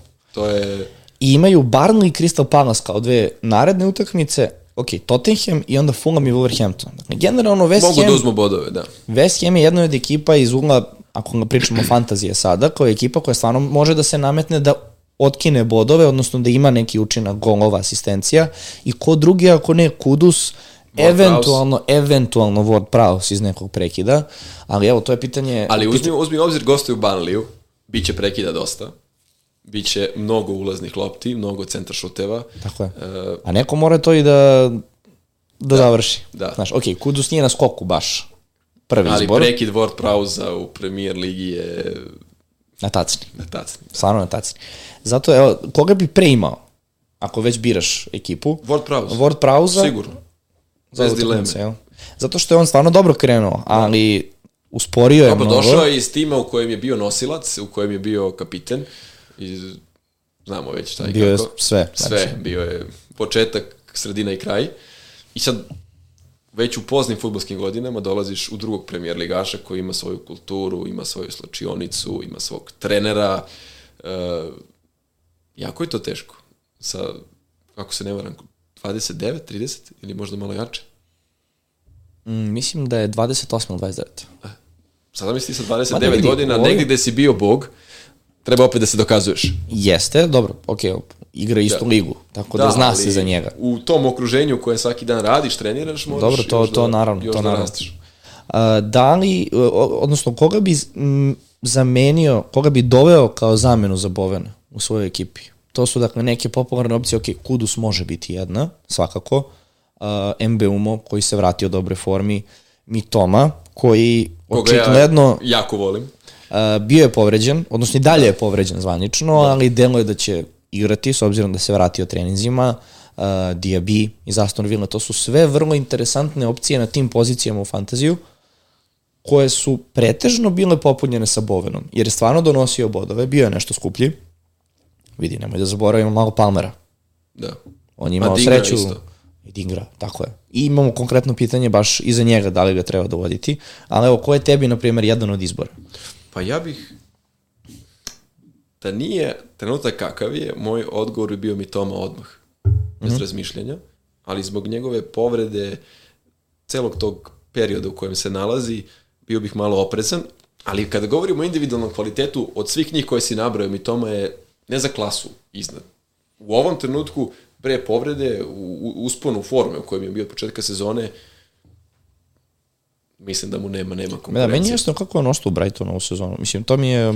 Pa generalno, management Brightona je fantastičan. Fantastičan. Uh, fantastičan. fantastičan. Uh, I sve je počelo još pre Dezerbija sa Potterom.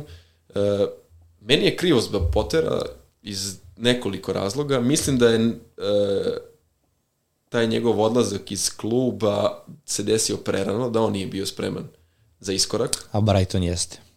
Brighton bio spreman jeste. za njegov odlazak. Jeste. To je Ali Potter, ako se setimo nekih godinu i po ili dve unazad, negde se pomenjalo po engleskim medijima da je potencijalni naslednik na klupi reprezentacije. Tako je. Iz cele te atmosfere ti napuštaš Brighton, ulaziš u izazov za koji nisi bio spreman i praktično se gasiš. E, to smo mi isto komentarisali, koliko je to njemu pametno, jer šta ako kiksne u Chelsea? Da. I šta se dogodilo? Koji je njemu argument, odnosno šta njemu stoji u CV-u kao pretendenta za selektora engleske I sada ime koje se pomenje Eddie Howe. Logično da se da. Eddie Howe pomenje. To ćemo vidjeti sad posle da. eura. Mislim, ako dođu u grupu sa nama, svakako će ispasti, tako da, mislim, tražit ćemo novog selektora. E, dobro, e, dakle, mi Toma nam je, na primjer, neki izbor. Ako, Nek bude mi Toma, da. Da, ako, ako nisi znao do sad, inače, mi svaku epizodu sa gostom uh, analiziramo ekipu naše, na, našu podcast ekipu u fantaziju i dajemo gostu da izabere transfer. Dobro. Ili da odigra čip određeni. E sad, ja ću te savjetovati da to sad ne radimo, ali možeš i to. O, i svakako imamo Madisona u, u ekipi, tako da obrati pažnju da prosto moramo vratno nekoga na sredini terena da, da menjamo, tako da s obzirom da si spomenuo mi tomu, a i sve ove igrače da, do sad, da. Ovi... Mitoma je meni onako, jako, ga, jako, drag srcu. jako mi je drag, da. I nekako je futbaler kome je igra na prvom mestu i u životu i u svemu, iako je fokusiran. E, znaš nje, za, pri, njegovu priču za, za diplomski rad? Uh, što, iz, on je DIF završio, tako? U, on je da. završio ne, tako, neki fakultet da. koji je prilike kao naš DIF, da. DIF, tako je, i on je zapravo imao diplomski rad na temu kako driblati u futbolskoj utakmici. I evo, to je, na primjer, jedna interesantna priča gde možeš vidjeti kako oni vodi loptu i kako dribla. Dakle, on nikada ne dribla sa otvorenom nogom. On uvek vodi loptu i dribla sa spoljašnom stranom. Jer, ne znam, ima celu studiju čovjek očigledno, ali je suština da kada vodi loptu sa, sa, sa, sa spoljašnje strane, da mnogo brže može da se kreće sa loptom i da otvara prostor na, na, na, na, na, na levu stranu, ako on već igra na levom krilu, mnogo brže može da nastavi taj da. trk da. i da sakrije loptu i ako ne može da predriva, makar, makar će dobiti faul. Postoje, pazi, cijela studija o tome i to znam da je, baš kad je diplomirao, to je bilo kao neka sad kao vest, O, ali tačno možeš da primetiš da je on jedan od redkih igrača u premier ligi koji na taj način dribla i ide mu, boga mi, Čovjek ima diplomu Sam. iz toga. Zamislim imaš diplomu, ali dobro, fair. On je diplomirani dribler, faktički. U, su, u suštini. Možemo tako da ga nazovemo. u da. suštini. Uh, sledeća utakmica je Luton Crystal Palace. I generalno pitanje koje imamo za ovu utakmicu uh, su za Ezea. Dobro. Jer se on vraća polako u, u, u, u stroj. Naravno, Lise koji je tu imao dužu povredu, pa se i on vraća. Uh, Uh, dakle, Eze, Olise i naravno ta situacija sa Crystal Palaceom i njihovim defanzivcima koji su Dobro, zapravo, to je zbog Korsona, mislim. Pa dobro, naravno, doneli su pregršt poena, prošli su ispod radara manje više. Andersen... To je jedina orijentacija faktički neka koja je primarna u njihovoj igri da budu stabilni, da igraš što manje golova, a posle kao što kažeš Eze gore, šta napravi tim trčanjima, napadanju prostora i tako dalje, ali kad pomeneš u jednoj rečenici Luton i Crystal Palace, nećemo vidjeti mnogo nekog neke lepote i driblera kao što A dobro, ja ne vidim da Luton može da. nešto ovde da Ne može, nema, jednostavno njihov najveći uspeh, neću kažem, zvuči mnogo grubo, ne uspeh, ali ono po čemu su najviše skrenuli pažnje po stadionu i priči pre sezone. Naravno. Budimo Dobro, to realni. će i ostati tako celo To će i sezonu. ostati tako i mislim da sve sem toga i čisto turistički su ove sezone u Premier Ligi. Neka romantična priča. u suštini. Romantična i Netflix će da snimi za 20 godina. Ma evo, Amazon, Amazon. Amazon će. Kako se zove? Uh, All or Nothing, valjda. Taj, taj serijal doći će to. Ove ili sledeće sezone. Uh, u suštini, uh, zašto te ovo pitam? Uh, zato što generalno ako pogledamo Crystal Palace, naredne utakmice su Luton, West Ham i Bournemouth. I ljudi generalno postavljaju pitanje, ok, ima, imaš Andersona, imaš Mitchella, kao dve dobre opcije u odbrani, mogu da donesu poene, ali nakon toga idu Liverpool i Manchester City. Da. Pa Brighton, pa Chelsea. To su sve utakmice gde stvarno možeš, To je baš ubitačan ritam. da. I Sad je tu Što pitanje. ti kažeš, negde se zaletiš na ove prve tri utakmice koje igraju, kao uzimaće bodove, pobeđivaće i onda te čeka pa kao u... Mislim da je tad nešto skraćeni raspored. Igra se na, na četiri dana, ako se ne varam. Uh, pa pazi ovako, Liverpool 9. decembar, City 15. Da, nešto je kraće. Pa je onda Brighton 21. pa 26. Chelsea, jeste, Da. to, je, to je upravo to.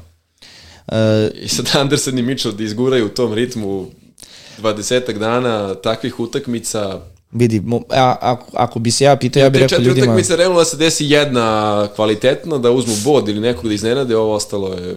Vidi, Anderson uvek može da, s- neki volej 16 terca nakon Da. kornera, ok, slažem se, ali ako već imaju nekoga iz Crystal Palasa, eventualno da ga zadrže protiv Lutona, mislim, apsolutno, i nakon toga već da se razmišljaju. West Ham u gostima nije baš naivno, imaju Bormut kod kuće, ali Bormut pokazuje da može ozbiljno, ozbiljno da naškodi i sve nakon toga, to je sad stvarno apsolutna prodaja. Tako da, ako imate nekog Crystal Palasa, da ga ostave za Luton, Da. zašto da ne, nakon toga već Odmah. razmišljati o nekoj, Menjaj. nekoj drugoj ekipi. Samo da vidim, da smo imali još neko pitanje za ovu utakmicu, čini mi se da ne, nismo. Dobro, e, naredna utakmica, isto od 16 časova, e, ovo je možda drugi po redu derbi po imenima, ali da? Jeste, definitivno. Newcastle, Chelsea. Uh, Eddie Howe, uh, neko ko je ove sezone uskraćen za veliki kvalitet. Ne, teo sam da kažem a, Newcastle Hospital protiv Chelsea. E, Na stranu to, e, ja mislim da na, na, na onaj uvodni deo sezone Newcastle, onaj katastrofalan start, mnogo utiče moment gde je pomoćniku zabranjeno da bude za liniju, kao što je to bio moment prošle sezone i negde Sad ne znam koliko je to tačno i koliko ima rezona, ali u engleskim medijima se pominjalo da je upravo zbog Newcastle i uvedeno to pravilo da ne može da bude konstantno uz menadžera pomoćnik na outliniji, jer Eddie Howe i njegov asistent su zajedno vodili utakmicu gde je njegov asistent bio zadužen za defanzivnu liniju, Eddie Howe za napad i ne bih se iznenadio da je zaista razlog njihovog lošeg početka upravo u tome O, težak raspored. i težak raspored, ali mislim da to negde psihološki sigurno utiče na tim. Naviko si da, pri tome ti igrači u Newcastle igraju zajedno već duži vremenski period, pa onda ona scena od eh, pred desetak dana tripije sa navijačima, nabrajanje povreda, eh, opet eh, igra u Evropi, Delo je da preveliki su- zaloga preveliki, njih, da, prebrzo. nisu spremni, roster To nedovoljno neko- širok da isprati sve, Chelsea, Pazi, ne zaboravi Tonalija. da, tonali, naravno. suspenzija, e, negde, ako se ne varam, juče je izašlo e, da su dozvoljene sada pozemice u okviru klubova koji su pod istom vlasničkom strukturom. Bilo je E, na sudu faktički i to je- dozvolili su. znaš kako, to je- Ispravi me ako grešim, ali mislim da je... E, e, ne. znači, kako je bilo? E, to je zapravo ranije bilo dozvoljeno. I uvijek je u stvari bilo Ali od dozvoljeno. mom, ja pričam od momenta kada je Newcastle pod novom vlasničkom strukturom. I onda su oni zapravo tražili da se glasa predlog da se to zabrani. Upravo iz razloga zato što postoji mogućnost, sad, da li je konkretno to razlog ili je generalno njihova ideja, na primjer, um, uh, Neves, koji je sada prešao Upravo to u sad gledam, Al da. Ih, ali mislim da je Al Hilal, Al Hilal 47 miliona u junu, da. Tako je. On ima apsolutno pravo, na primjer, da ode na pozajmicu, s obzirom da su isti vlasnici, u Newcastle. I da stavimo na istu vagu Tonalija i njega, za koga glasaš? Pa vidi, ako ostavimo po strani situaciju sa Tonalijem, Strogo igrački kvalitet. Meni je Tonali ipak ipak bolji kvalitet od, od, od Nevesa. Tu Iako se ovo ima nećemo više. baš složiti, ali dobro. Dobro, ok, fair. Ove, ali mislim da je Tonali ipak, ne kažem, kada kažeš, volim Rodrija. Da. E, Tako ti možeš Ta, to nali. tako bi preferirao Tonali u odnosu na Neves upravo iz tog razloga, jer Nevesa nekako dižemo u zvezde i volimo ga upravo zato što će on sa ono, 78 metara verovatno neku bombu I da čovjek se smeje. Čovjek ima osmeh na licu. Dobro, ali to ne donosi bodove. E, u suštini on može onda da pređe u Newcastle, što u suštini, mislim, sad, Da. Kupiš Koliko- igrača, koliko- prebaciš koliko, ga. Koliko još transfera takvih, koliko još takvih prelaza će se dogoditi ako tako jedan krene. To je lančana reakcija. Apsolutno, ali s druge strane, opet, da li ti to možeš stvarno da zabraniš? Mislim, ako ćemo gledamo kao futbol, to je samo jedan od trilion biznisa koji postoje Jest. na ovom svetu. I Da. te stvari ne, ne mogu da se samo prosto zabrane. Mislim, pođe od posle Kogla. On je, znači, on je prvo bio Yokohami, je li tako? Da. On je iz Yokohame prešao u Celtic. Celtic. Znaš, znaš koga je doveo u Celtic? Znaš za tu priču? E, koga je tačno doveo? Ne, ko je tačno? Ko je uticao da se on nađe u Celticu? Pazi, on je bio deo grupe, e, deo Cityjeve grupe. Znači, City, City Group je njega zapravo vrbovao i bio je kao jedan od kandidata da zameni Guardiolu. Pre Ko je produžetka. jedini trener, jedini trener koji je uspeo u prve četiri godine Guardiolinog mandata na klupi City-a da ima veći posed od utakmici, utakmici od Manchester City. Kao na jednoj utakmici ili kao Da generalno? ima veći posed u 90 minuta igre. U Premier Ligi. Ne, generalno su ima. Aha, aha. U, čekaj. Ovo je pitanje za kviz, čoveč. Hriki, zapiši, molim te. Uh, u Evropi, ko je mogao da ima... Ne u Evropi, generalno na celom svetu. Aha, pa vjerojatno je Yokohama, jel? Tako, 56% vremena imao, City 44, u pripremnoj utakmici turneja je bila 2000, hm, 17. 18. recimo. Dobro. Ne znam da li mi je vremenski okvir dobar, ali tačno je da je Ne, ne gledam vremenski, gledam te procente, nešto mi je užasno malo za City. 50, m, i- evo ako imaš uh, laptop odmah ukucaj, ukucaj samo Postekoglu, Guardiola i Yokohama i mislim da je 56% vremena imala Yokohama, on je imao 44. Išli su posle na večeru Guardiola i Postekoglu, jer Guardiola je bio fasciniran i negde kažu da je Guardiola imao presudnu ulogu u njegov dolazak u Celtic. A ti mene pitaš protiv koga je City igrao, a, A da je imao manji, manji A, posed. ne, ne, razumem te. Ja sam mislio kao Da, u toku, u toku te Možda sam se ja sezone. loše izrazio, ali... Da, da, rekao, čekaj, ne kapiram. Da, da, da, okej, to, to već ima lojke. Da, da. To već ima lojke. Uh, dobro, šta što, kako smo mi otišli na posle Kogla, podsjeti me, pričali smo, da, o, o tim prelascima. Da. Da, tako da to se povela kao debata, onda su zapravo klubovi na kraju glasani, da li to žele ili ne. Falio mi još jedan tim, da kaže da. Tako da to nije izglasano i sada oni mogu, znači to može da se desi. Možemo da vidimo Nevesa u Newcastle. Ko li je taj što Da. nije hteo? uh, City, Newcastle, Wolverhampton, Crystal Palace uh, i još dve ekipe i Everton, koji nije hteo za to da glasa, kada, su, kada je dobio ban, odnosno kada su mu oduzeli 10 10 bodova. poena, promenio je glas. Da, bu- bukvalno su promenili glas zbog toga. Da je Everton glasao za, da je Everton glasao za, da, uh, bilo bi usvojeno. Znači, tačno mi je fali jedan. Ali dobro, to je neka... Promenit će se, ima tu još žalbi, vremena, svašta će tu još biti. Pa vidi, žalbe za to kako sam shvatio nema, kao nema žalba na, na glasanje, jer kao ako se dogovore da Pokrenut nema, će to je to. opet Ali će neki- nešto, neki nešto. postupak, Tako, nešto ne može da prođe tako Nešto će slično biti. Nešto slično će biti. E, dobro, naredna utakmica, u stvari ne, nećemo da idemo na narednu utakmicu, Nismo zato što nismo, nismo se dotakli Chelsea-a. Da. A tu si krenuo da se smeškaš, tako da kreni slobodno. Ne, e, Chelsea koji je meni ostao drag srcu je onaj čuveni sa Drogbom i ekipom e, sa Samsung reklama je bila na dresu. Jeste. Da. Ja sam ljubitelj kulture dresova i to mislim da je to jako važan faktor, ne samo u marketingu, nego u životu jednog kluba. A vidim da i Samsung- ti preferiraš. Da, Samsung i Sherwood United. Da. To je, to je, to. Čekaj, AIG. Aj, Ti sećaš- aj, crve, cr- Au. crveni dres sa linijom na leđima, Da, da, da. beli šort, crne štusne, Ronaldova sedmica sa drugim rukavima, druga garnitura je bila ona plava sa crvenim Jeste. I, treća beli. i, i se sećaš one sezone kad smo imali karirone kao, kao stonjak? Da, to je... To je Ivan Persija tada bio. Da, to je Vidić igrao. Da. I dobro, igrao Da, vidiš, da, da. da. Ali sećam se Van Persije, imao volej od te Da, sezone. te Ajax su mi ubedljivo. Jes, pa, uh, pogledaj iza sebe, mislim da je to ta sezona. Ali ili ima na leđima, ili ima liniju? Nema, ima onaj, ovo je sledeće godine. E, pa Sledeće puno tražiš sad. Sa linijom. sad puno tražiš. Ali da, da, to, je, to su te sezone. I, znaš ko je još bio? Bio Da oni ne sa... izgužujem da mi se Filip Marković naljuti. Cr... neće, neće. Ostavit ćemo ga tako u prvom planu malo. O, I bio oni sa, sa crnim onako linijama. Da, u... da. To su sezone koje ja isto pamtim. Mislim, sam imao... Dresove. Tad je Adidas radio Chelsea i oni, tek su se pojavili, to je posle svetskog prvenstva 2000, 2010. Prvi put su se pojavili slim fit dresovi. Znaš da su bili kao sad ovi Kako ne, aktivni pa da, veš, pa. onaj sa linijama. Chelsea ima one sa linijama na leđima. I meni je ta kultura dresova nešto fascinantno. I sveći mi sad što je sad tendencija negde u, u, u svetu, u marketingu. Ta re, taj retro moment, otvara se se tržište malo, da. polovnih dresova koji, koji ima... Realno sada ove sezone baš nekako sa Da. nekim retro, pa i Bayern realno voli to po posljednjih sezona da, da radi.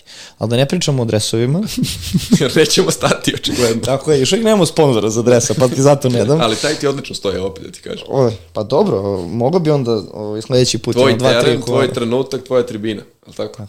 Ništa sad kad ti bude falilo igrača, znaš. Ha, dobro. Morat ćemo razgovor iza kamere, dobro. E, da se vratimo na Chelsea.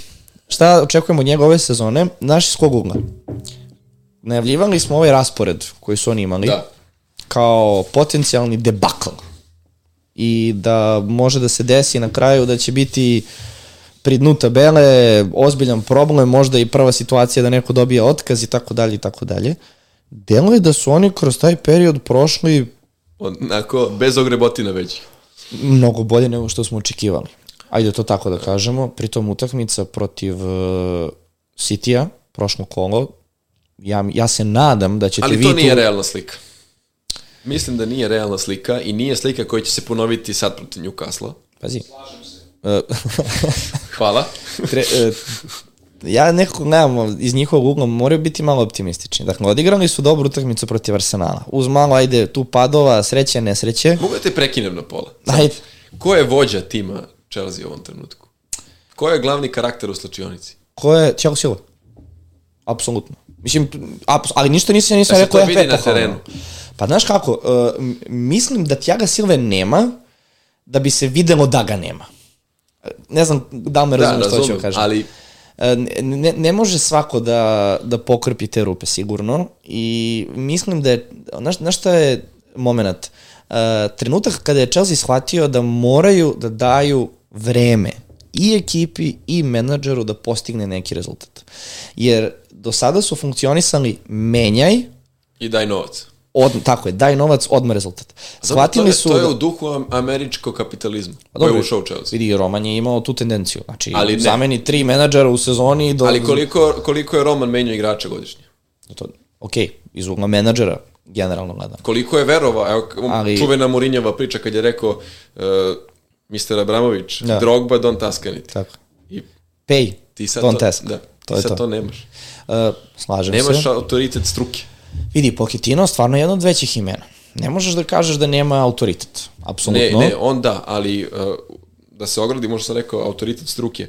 Uh, pre dolaska Pokitina, to je sad, na primjer, kao uh, ti i ja smo ušli, imamo veliki budžet, dosta novca, ali, na primjer, automobilima ne znamo ništa. I neko nam kaže, "O, ovo vam je super auto.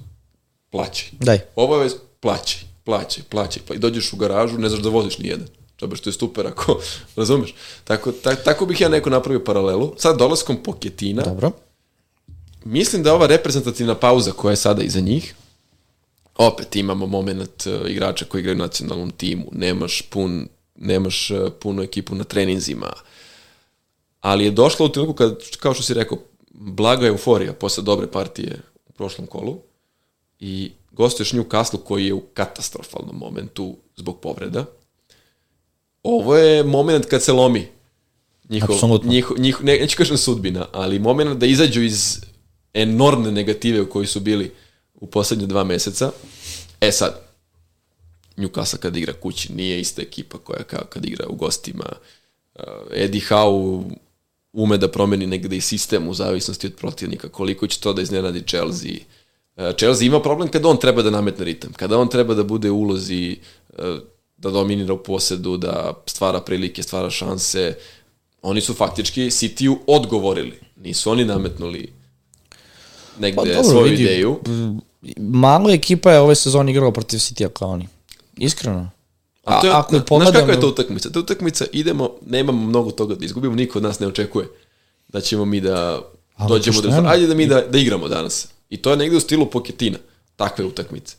E sad, kad te smo imali moment i, i ranije u njegovoj karijeri kada se očekuje da drži neki da drži neki ritam, da pobeđuje, uvek je ta treća, četvrta utakmica Dobro, ali to je, i to je okej okay za Chelsea ove sezone. Da, Jer jest. Pa oni, njima je najbitnije da budu stabilni, da budu tu pri vrhu, da oni, se Oni dalje imaju tri utakmice da. koje su im problem sledeći. Znači, Newcastle, Brighton, United.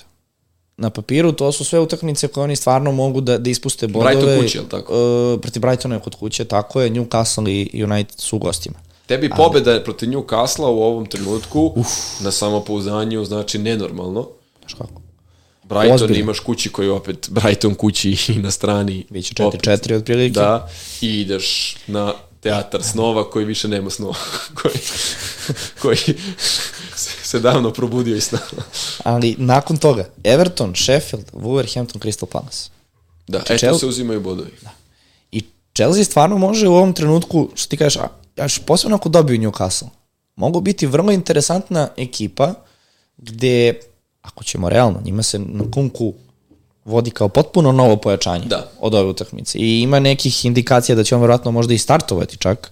On s obzirom da nije igrao uopšte za njih, to je stvarno novo pojačanje. Pritom, momak kada je igrao u Leipzigu, ono je bilo jako, jako dobro.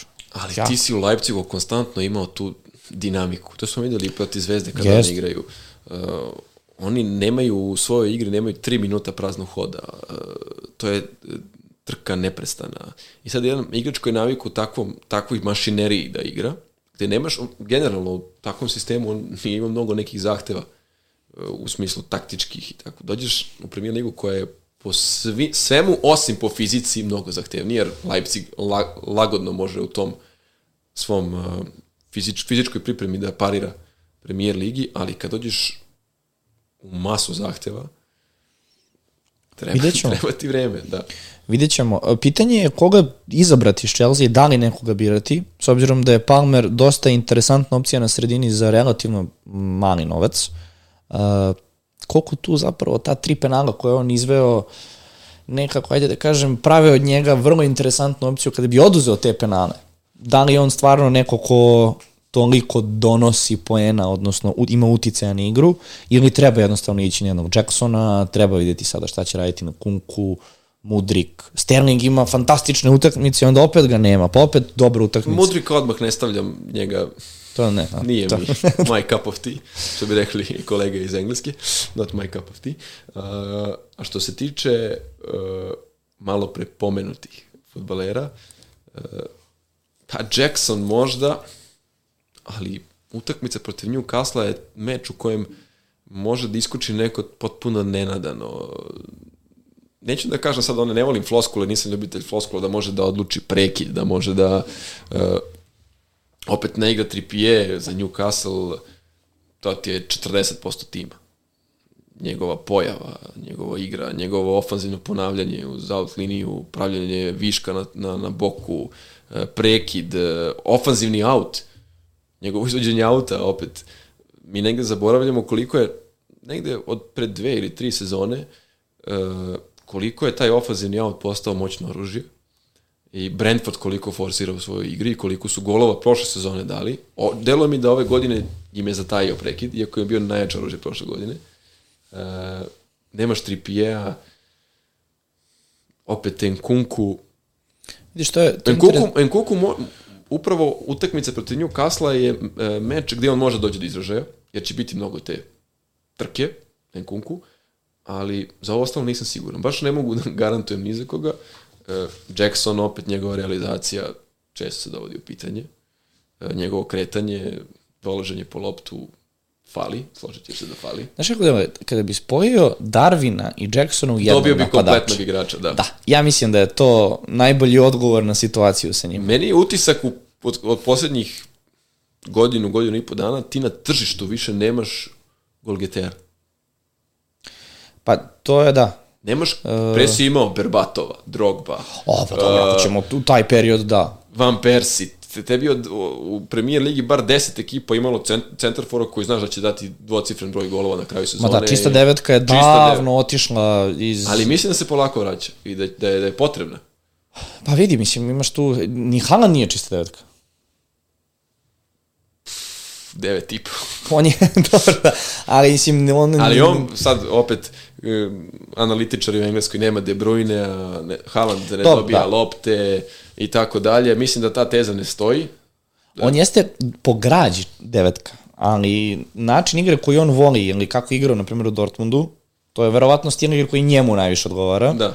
To nije čista devetka u suštini. Mislim, čista prava devetka Harry Kane, koji će verovatno ostati sa Benzemom jedina ta devetka, neki ideal u kome možemo da pričamo.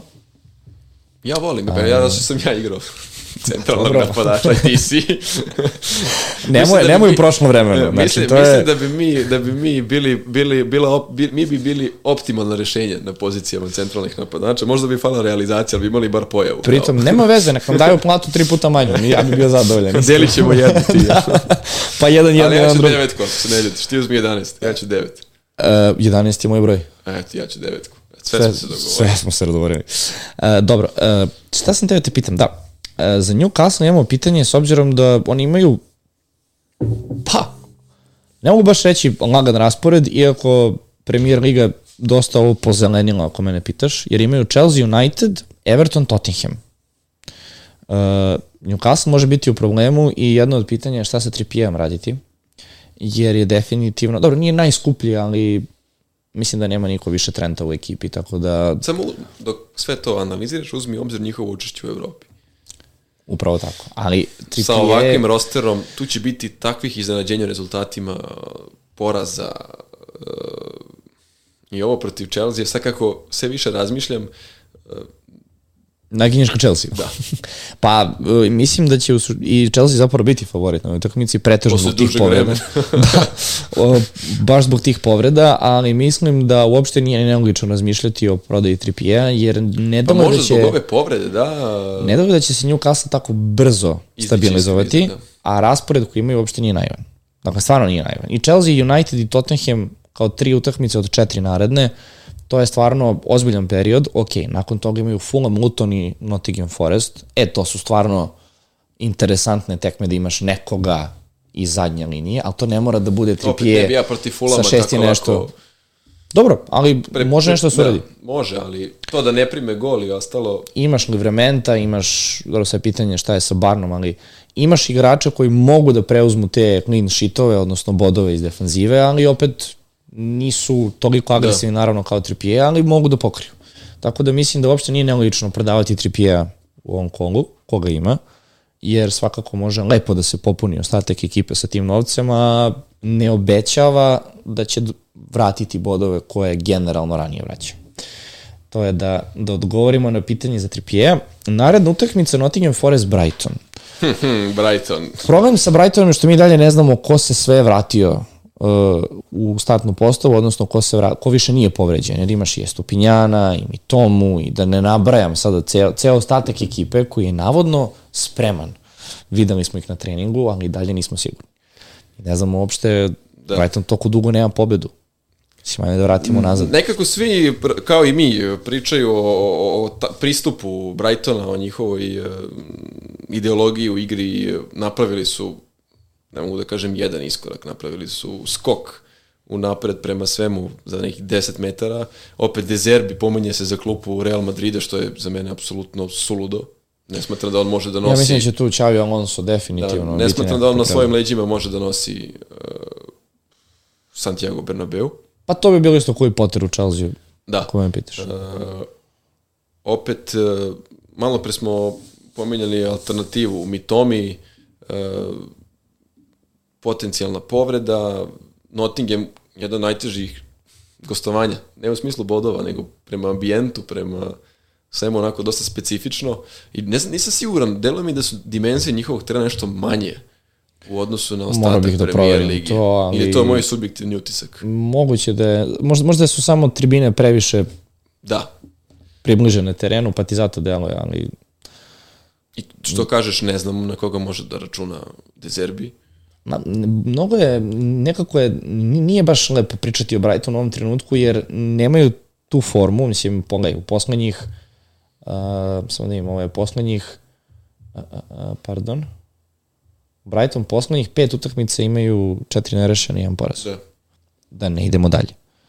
Dakle, nema rezultata, znaš, ako oni kad daju gol, ti gledaš, oni imaju rezultat u fantaziju, jer je neko dao gol i asistirao.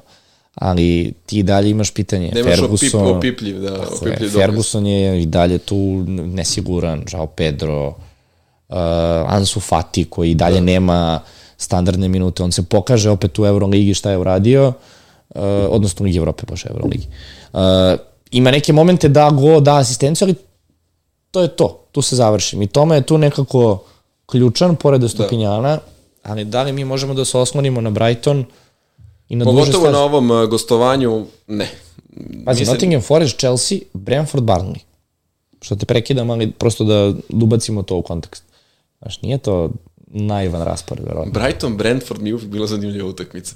Jer će uh, futbolski analitičari imati milion stvari za analizu, uh, ali nekako Jensen u Brentfordu izgubio je moment. Pa dobro, ne mislim da niko nije ni očekivao od njega da može da na duže Bio je staze baš tera. iznenađenje prošle sezone sa celim pristupom, sa rezultatima, sa kontra protiv Manchester Uniteda, ako se ne varam, dve kontre, dva gola, uh, one dijagonale koje su navodno vežbali, uh, zaista je delovalo perfektno spremljeno. E sad u ovoj sezoni sve ih čekaš da, da dođu, da, da, ali kao da im fali individualni kvalitet. A opet ekipa od prošle sezone manje više ista, mislim, gotovo da nema promena. Kao da si znao koje je najpopularnije pitanje u suštini. Mitoma ili Mbeumo? Tako da bi, Mitoma. Ja tako sam da bih se Mitoma. ja tu zadržao zapravo kao neku najavu, jer svakako imamo Brentford protiv Arsenala, ali ajde da prođemo Brentford iz ugla Brightona. Da. Najbolje tako, zato što ljude zanima taj Mbeumo postao je, odnosno polako, postaje troll ove sezone. Uvijek imaš jednog takvog igrača koji nervira fantasy svet i sezone u sezonu. Kako bi ti njega sad definisao MBUMO? Kao izrazito brzog centralnog napadača, kao krilo, Ne, ni, d, kao- kao krilo koje je po, u službi centralnog napadača. Koji menja Tonija. Mislim, ne, Da. ne, ne znam, a opet imaš Visu koji zapravo menja Tonija. Ne, ne znam kako bi tačno definisao, to je odlično pitanje, ali e, problem sa MB-umom je, on je počeo sezonu, bilo je sve super, ljudi su ga doveli od starta i stvarno No, je da je promašen penal, ako se ne varam, proti koga je to bilo. Tad je negdje krenulo nizbrdo.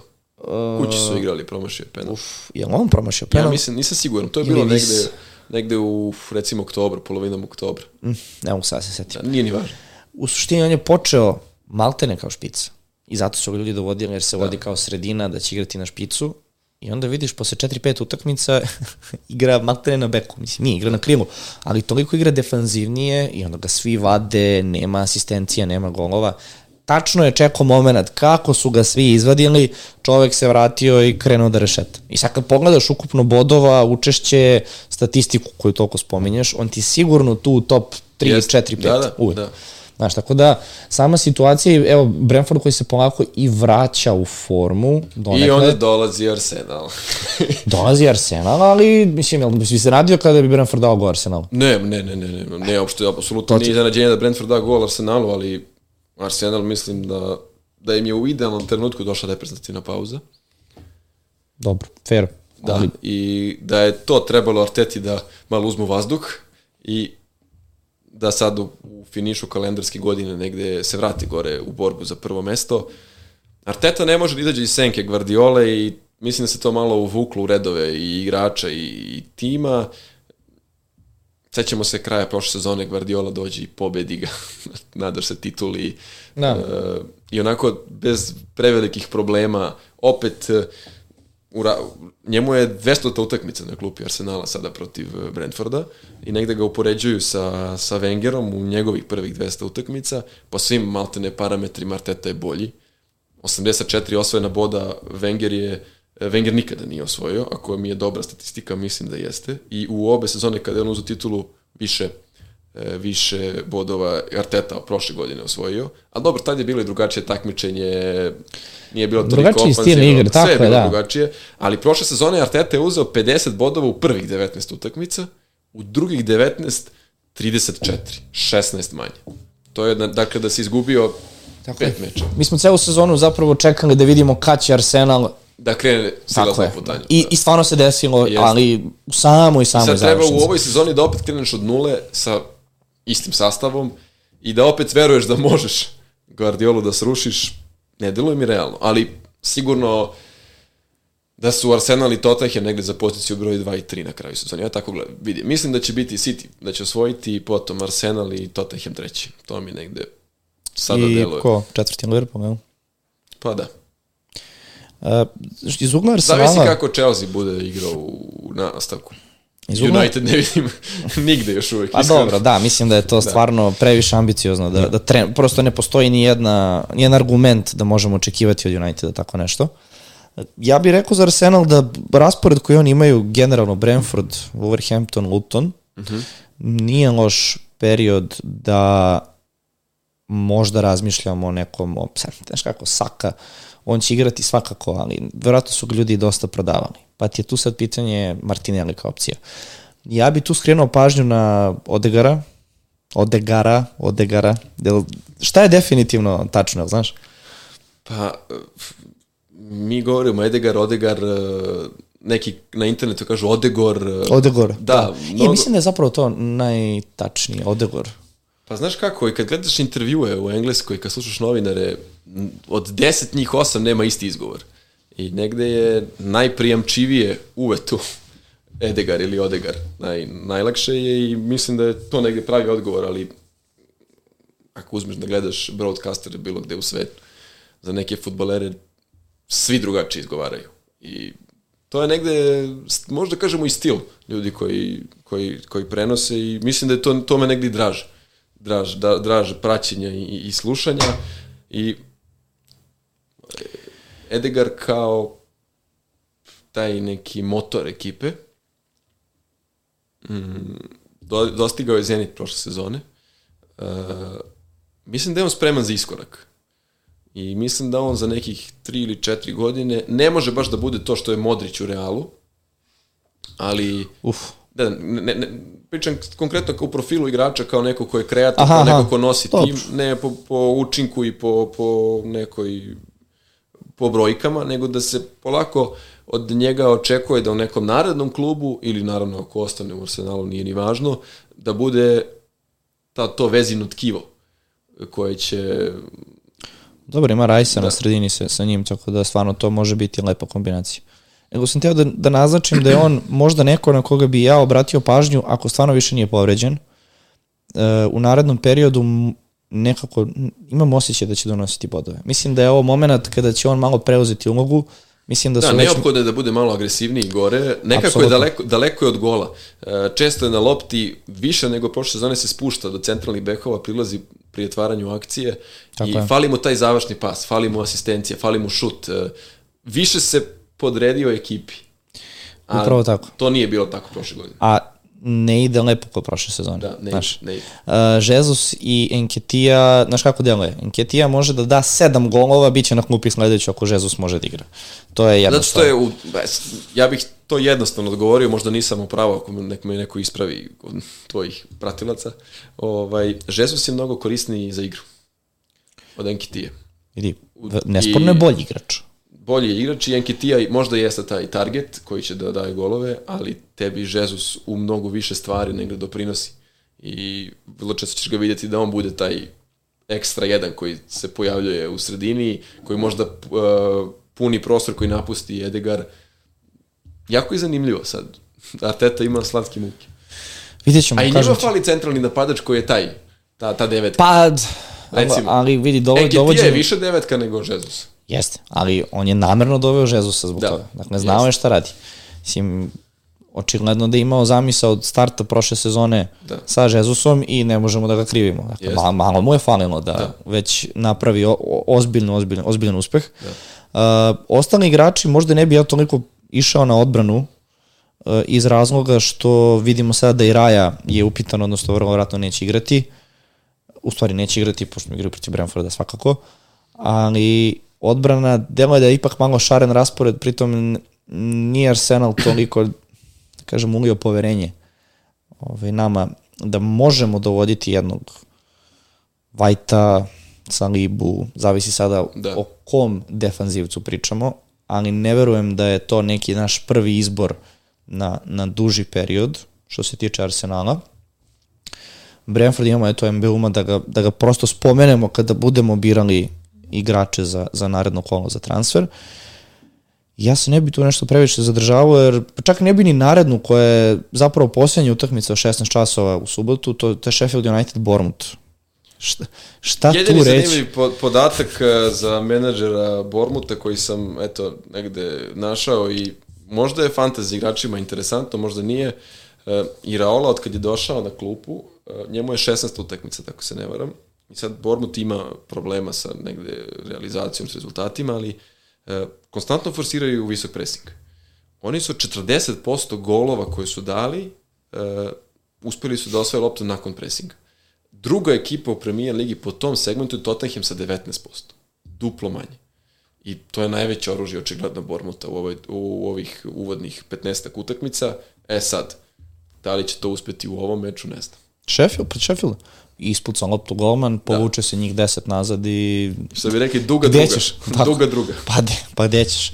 Ali evo, mi imamo uvek izvučena pitanja za svaku utakmicu, ovo mi je presmešno. Znači, prva utakmica, druga, treća, sad ne znam, tri pitanja, sedam pitanja, osam. Pod broj šest, Sheffield United, Bournemouth. Nula. ali kao, ni jedno pitanje, nikoga ne interesuje utakmica, ali ajde da kažem, ali manje više iz razloga. A Sheffield da... je ove sezone ispisao nove stranice istorije negativnih rekorda. I, I tek mislim, će da ispiše. I tek će ispisati, da. Dobro, da se onda prebacimo na prvu utakmicu u nedelju od 15 časova, to je Tottenham Aston Villa. Treća, vrlo interesantna. U najemeri poste koglu. Da li Tako ima je. nešto zanimljivije u istoj rečenici? E, meni je žao samo što se ne igra, uh, za, zašto Aston Villa nije domaćin? Meni je to samo, ovaj, mislim da bi to onako začinilo celu utakmicu, ovako nekako mi deluje da da će neko Tottenham izboriti tu bodove, ali... Ja isto mislim da će pobediti e, i mislim da imaju taj psihološki impuls koji nisu imali pre dolaska posle Kogla, veruju u sebe uh, i njegova harizma je neverovatna i sad negde postaju viralni ti snimci na YouTube-u e, njegovih govora motivacionih dok je bio u Australiji, dok je bio i za, zaista to ja dogledam iz Beograda imam osjećaj da ću za njega da uvelim 100 sklekova ako treba, ali to je samo jedan njegov plus, on je taktiku u svetskom futbolu napredio za tri meseca, ja mislim, 30% sa ulaskom oba beka u sredinu. I sad opet bilo je pitanje kako će u tim defanzivnim tranzicijama da popunjava taj prostor e, iza leđa faktički bekova koji su u sredini. On je to pokazao da dobrom sinhronizacijom može da zatvori Aston Villa u najemeri e, koji nije uspeo negde na toj velikoj sceni, najvećoj da se dokaže, iz negde možda svoje tvrdoglavosti. Mislim da mu je to negde zasmetalo Pa Onda parijera jezika pre, ako se setimo. Moguće. Ali on je nekako taj trener koji se Jest. najviše snalazi u Villarrealima, Aston Da, on je istat rezultat. To je, da. On, kad ga dovedeš, znaš da ćeš imati istat rezultat, e, sa njim ne možeš da praviš ništa. Ne možeš da praviš projekat dve, tri, četiri godine, sa Postekoglu možeš.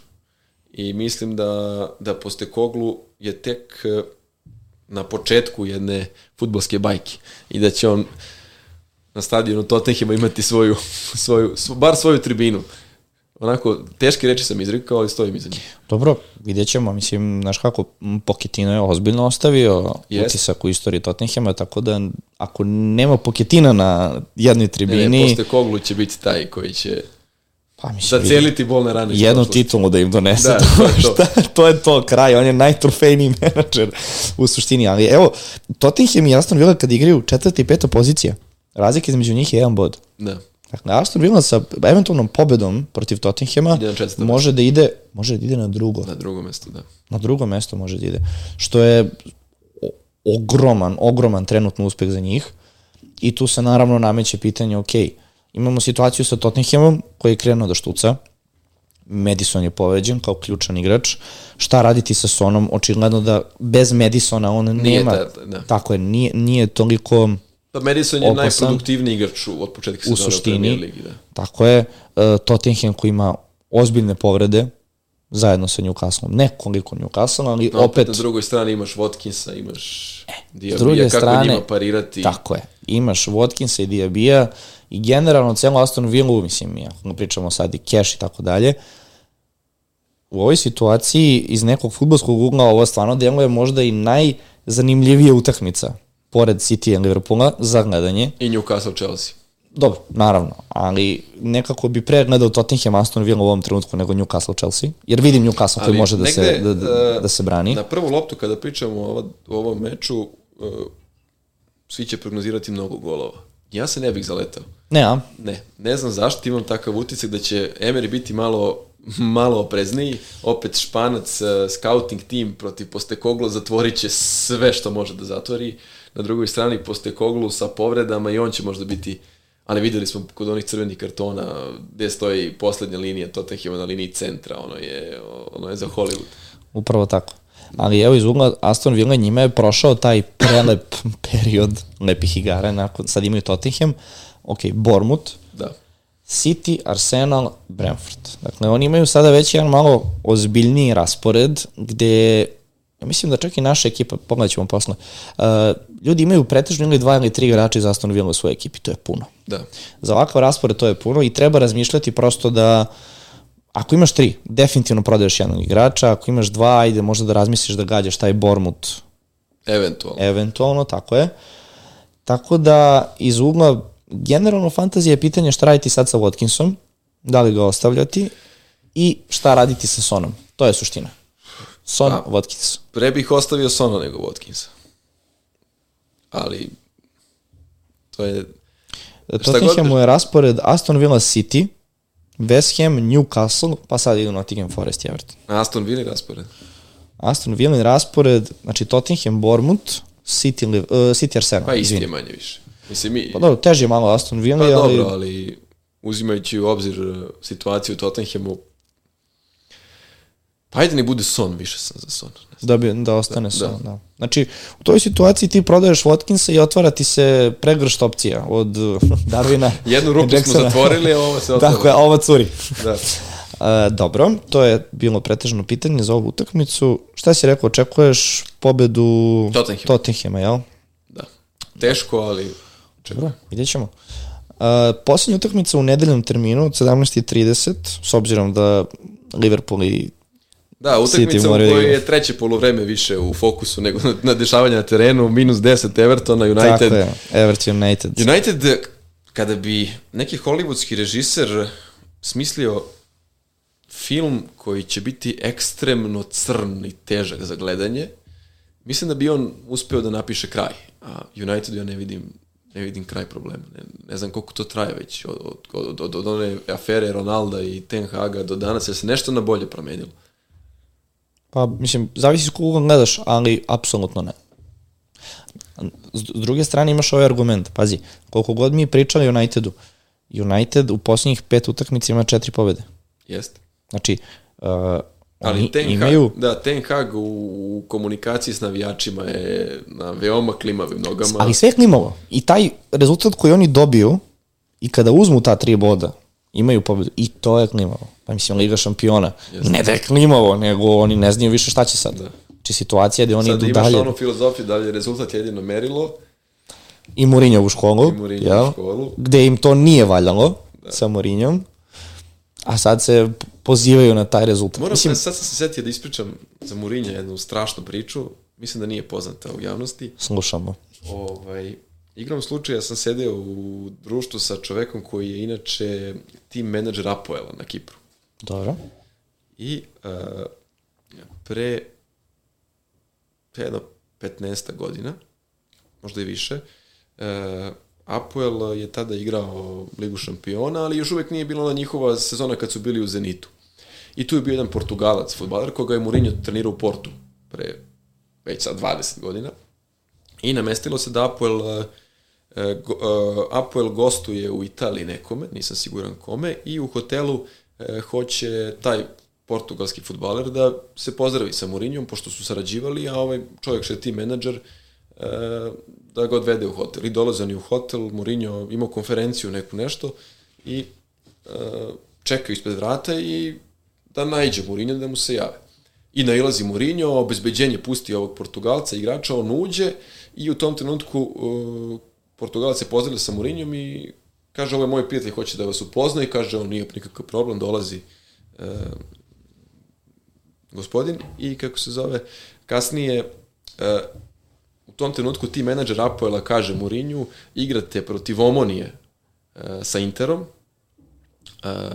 morate da ih pobedite 4-0 a Apoel i Omonija su kao Zvezda i Partizan, uh -huh. rivalstvo. I kaže Mourinho, kada budem došao u Nikoziju, dođi na moj trening i spremi mi na što da obratim pažnju. Prošlo sad par meseci, Inter gostuje u, Nikoziji protiv Omonije, da li je bio play-off kvalifikacije za Ligu šampiona, ne znam, u svakom slučaju uh, igra se u Nikoziji i a Omonija i Apoel dele stadion i pojavljaju se ti menadžer Apoela na treningu Intera pred utakmicu sa Omonijom i ovo obezbeđenje koje ga zna kao ne možeš da prođeš dalje. Ne, ne, moj prijatelj Mourinho mene čeka. Prijatelj Mourinho. Ne, ne, moram da prođem. I Mourinho u tom trenutku izlazi iz autobusa i vidi ga. I poziva ga. I kaže, evo, moj prijatelj Mourinho. I on stvarno spremio na, kako se zove, na, na blokčiću neki sad. Šta je on mislio? Vidi, da ako Inter nije izgubio, ne sviđa mi se. Ne, ne, ne, ne, ne. I uh, malo je duža priča, ali imamo vremena i Mourinho tu s njim pored terena razgovaraju, ovaj mu, evo ovo je slaba tačka Omoni i kaže mu, o ponovo taj tim menadžer Apoela, 4-0 morate da pobedite. Kaže Mourinho prijatelju, ako ti tako kažeš, dobro. Sotradan igraju Inter, Omonija 4-1 se završi. Konferencija za medije, Jose, ima snimak na internetu, Jose Mourinho e, se, mislim da se Sokratis zove čovek, proverit ću, ali nemoj me držati za reč. E, želim da se zahvalim i da pozdravim mog prijatelja, ovo je pobeda za njega i sad ja kad sam bio mi pokazuju snimak toga, prođe to, oni su razmenili brojeve telefona i kreće Interov uspon ka finalu Ligi šampiona. I posle svake utakmice e, Sokratis njemu e, šalje poruku podrške. Srećno, mister, i ovaj se hvala prijatelju i tako dalje, dolazi do polufinala, Mourinho hoće da pošalje karte Aha. dođe sa ženom da gleda polufinale. Međutim, nije on mogao sa Kipra da, da dođe i uh, onda mu ostavi karte i za finale. I ovaj mu šalje poruku, srećno mister, osvojit ćeš tripletu. I Mourinho kaže hvala prijatelj i tako dalje. Prođe to, on osvoji, ovaj mu čestita, sve ok, prođe dva, tri meseca, leto, avgust mesec, Mourinho zove na Kipar, gospodina team menadžer Apoela, kako si, jesi dobro, doći će moji prijatelji na more, na Kipar, ako možeš da im pomogneš oko smeštaja i tako dalje, kažu nikakav problem, dolaze Portugalci u Limassol na more ili Aja Napa, možda i Aja Napa. I uh, oni rezervisali neke sobe, međutim ovaj čovjek iz Apola unapredio sve da bude ga, onaj sea view, predsjednički da, da, da. apartman, sve puca. I prođe to, zahvaljuje se Mourinho i sedi on na Kipru, čita u novinama Jose Mourinho takes Real Madrid I kaže, ja sedim i iznerviram se, sad će da se preseli u Madrid, promenit će broj telefona, izgubio sam prijateljstvo, kako da stupim u kontakt i tako dalje i onako upadne u depresiju, a čovjek nema porodicu, nema ženu, nema decu, njemu je futbol sve ja. i Murinju. I ništa prođe tako i kaže, sedim ja, posle tri meseca u novembru, gledam televizor, poruka, hello my friend, this is Jose, my new number. Eto, kakav ja, je Mourinho gospodin. gospodin. Da, o čemu razmišlja i kako, i kako vodi računa da država te kontakte. Što je, to je, to je neka znači, priča koja nije aktualna više, jel, su oni dalje u kontaktu? Jesu, da, da, da, da, Jesu, da, u njemu pošalje srećno misterom, hvala, odlična utakmica i tako dalje. Sad Mourinho nego jedan takav kontakt sa čovjekom koga vidio tri puta u životu, da. da mi se ti preuzimaš Real Madrid, uzimaš novi telefon i setiš se da pustiš poruku. Koliko to znači nekom običnom čovjeku. Nevjerovatno. E, to je jedna tako. veličina koja može da nosi United, da. Nosio je, ali nije da, to nije baš izneo. bilo... da, nije, nije, pa dobro, da. Ima tu više faktora, ali... E, jel možemo očekivati od United ovde pobedu? Pa ja mislim da možemo. Imaju Everton... bolji individualni kvalitet. Everton uzeto 10 bodova, stanje u slačionice sigurno malo deprimirajuće. Da li će sad baš da zagrizu zbog toga ili će Pa potpuno... možda i hoće, ne znam, ali ne bi, se izna... et, ne bi mi bilo veliko iznenađenje da United pobedi na gostovanju Everton. Nedavno oni imaju tri pobede u posljednjih pet utakmica, Da. to uopšte nije Da. loša forma, čak i nešto prijatno sa njihove strane, ali da, smeta što su sad 19. Upravo svakako. tako. To bode oči, ali ne pokazuje trenutno njihovu formu. Da. Tako da to može biti interesantna utakmica, ali ja isto mislim ako i United uzme sva tri boda, to će opet biti nekih 1-0, 2-1, onako Apsolutno. jedva, jedva, jedva. Um, a što se tiče ugla fantazije, već smo davno izgubili pitanja šta sa Brunom, šta sa Rashfordom, mislim da apsolutno više nema nikakvih... Gledajte i ne očekujte ništa. Da. I ne nervirajte se. Znači, evo, stvarno ti kažem, od svih pitanja jedino od igrača je bilo šta, šta sa Onanom. Da. Znaš, s obzirom da United uspe to 1-0 da izgura i donosio je bodove clean sheeta, ali to je to. To je to. Stvarno, izgleda da su svi odustali i od Bruna i Rashforda da. i, mislim, da kažem, Marcial, čovjek nije odigrao krštenih 15 Da, vreme minuta. da idemo čovjek. dalje, očigledno. Pa da. U svakom slučaju, poslednja utakmica, to je termin u ponedeljak od 21 sat, Fulham dočekuje Wolverhampton. Kakvom utakmicom da kada završi? Kažu, jel floskula kada kažu očekujem takmičarsku, pravu takmičarsku utakmicu, znaš kako kažu treneri? Uh, detalji, Kako beše onaj kao, aj ne objašnjiva jedna utakmica, ne, ne. da, ovo je da ne objašnjiva utakmica. Ili ima isto par uzrečica, pa dobro, videli ste i sami, znate kako. Ja mislim da bi trebalo napraviti jednu, jednu Kompilacija tako. jed, jedan rečnik floskula. Mislim da, da neki stručnjaci, ne samo kod nas, nego generalno su u stanju da pričaju po 20 minuta da ništa ne kažu. Pa dobro, znaš kako, i komentatori imaju tako, Činjenica, činjenica. Da. kad- Ali kad čujem- koment, komentator komentariše ono što vidi, a kad trener da izjavu. blok, znači Da. kad čujem niski i plitki blok, joj, pa gde su izvukli to čoveče? Ali dobro. Uh, što bi rekao Marko Čulić, možda čak i utakmica za 0-0, Pa ne bih Ne rekao, zašto. pa ne bih rekao ja. Ne znam, Ne, Wolverhampton ima, ima, ima uh, trenutke sjaja. pa jeste, Povremeno, slažem ali se, ima. ali- E sad, njima se desi da je prvo polovreme očajno i onda u drugom polovremenu kao da su promenili svih 11 igrača. To je neverovatno prosto. E sad, na, u, protiv Fulama, na gostovanju, da, bit će tvrdo. E sad, pff, rezultat na kraju, prognoza, ne znam. Evo, stvarno, od 10 utakmica za ovu baš ne znam. Mislim da sam zaslužio da to da kažem za ovu da ne znam. da završimo. Pa dobro, mislim, Fulham je onako jedna ekipa ove sezone. Što bi Mislim, rekao onaj na YouTube-u, nisu to neki igrači. falila je nešto, falila realizacija, sad sam Upravo, tu ja. Pa vidi, Da. Mi, ovo, je sa Mitrovićem ipak bio potpuno drugačija ekipa, to se moramo složiti, Činjenica. koliko god je Mitrović naš, Palinja koji je blistao u jednom trenutku, to sve sa Bayernom ga definitivno poremetilo. Koja koga ne bi, mislim, poslednji sati prelaznog roka i Minuti. minuti na aerodromu si s koferom, već zamišljaš Allianz Arenu i vraćaš se Tako u London. Ali dobro, vratno će on u Da, januaru. sigurno, sigurno, da. Ali mislim da je Fulham ove sezone jedno, jed- jednostavno ekipa koja će opstati, Da. ali ništa više od toga. Tu će biti tako između nekog 17. i 15. mesta, manje više, 16. I onda let, i letnji prelazni rok i ponovo. Pa tu je, tu je sad pitanje priča, tako, da. šta će se desiti. Wolverhampton jako lepo izgleda, mi smo prognozirali na početku sezone da će oni ispasti. Dobro ste prognozirali, odlično.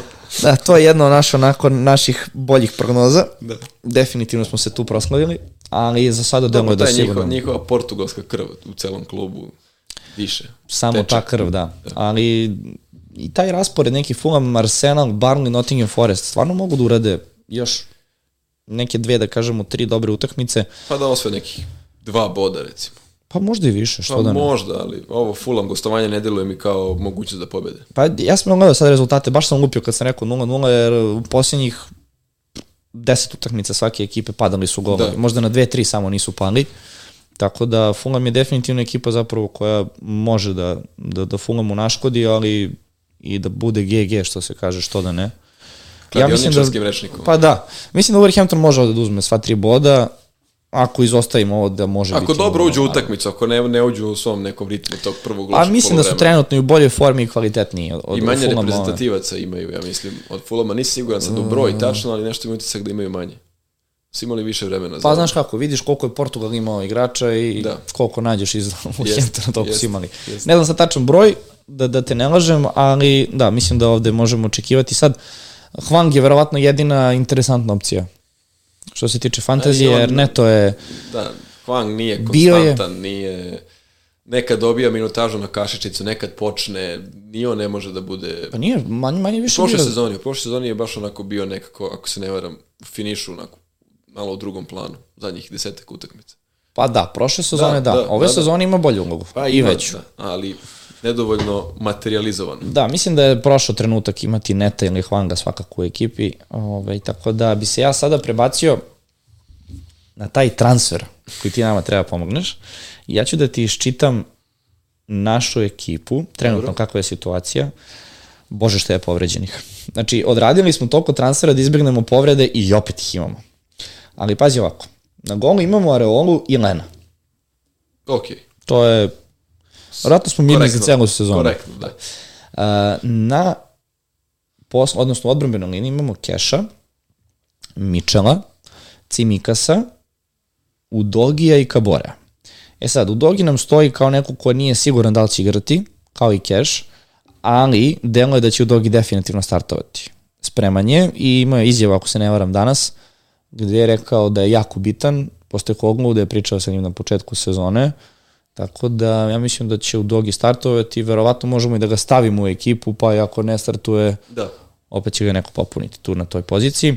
Sredina, pazi sad, Gordon Salah, Gordon iz razloga zato što Wilson i Isak su i dalje nesigurni, Almiron je skuplji, opet, A logično rešenje, da. da. a opet je Newcastle, tako da neko, neko mora dati go. Znači, Gordon Salah, imamo Madisona koji je definitivno povređen, Diaby i Martinelli. I u napadu imamo uh, Watkinsa, Halanda i Archera koji zauzima mesto na klupi. Mi trenutno, samo da ja to promenim na transfere, mi trenutno imamo jedan transfer i 0,3 miliona u banci. Tako da, u suštini, možemo i da ne radimo ništa, da znaš, ali sad tu je pitanje kako oformiti ekipu s obzirom da je Madison ozbiljno povređen, Kešu Dogi i Kabore su pod upitnikom. Uh, delo je da je nam i nekako Madison transfer koji bi morali da uradimo. S Pa ja bih- obzirom ja da je on ja na duže povređen, Da. baš na duže. Ja bih Ward Prowse možda tu. O, pazi, ja mogu ovako, znači, da izbaci Madisona i nama ostaje 8,2 miliona. Dobro. I ja mogu bez problema, sad ćemo ako stavimo 8,5 kao granica, mm, 8,5 kao granica i da ti čitam redom ko, koga možemo Ajde, da dovedemo. Mislim, možda ti je tako lakše.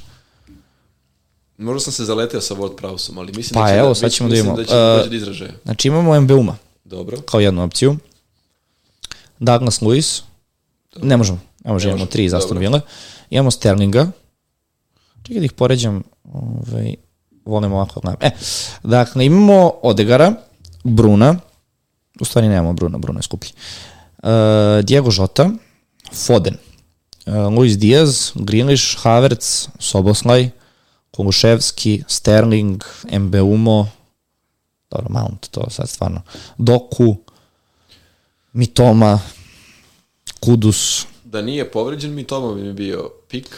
Pa pazi, Mitoma je, na primer, trenutno imamo Ezea, Word Ne Prauza, bih, ne bih njega, Eze ne bih.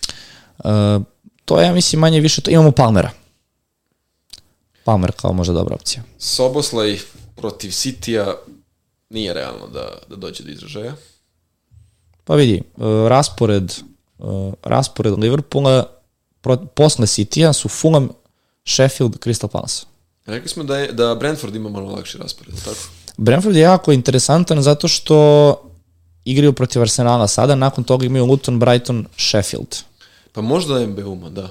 Sad kad bolje razmislim, kad uzmemo sve u obzir, nekako MBUMO će sigurno da ulazi u šanse. Sad da li će ih materializovati, možda rizik s kojim treba se riziku.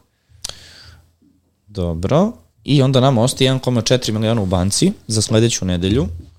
Tako da Smo korektni.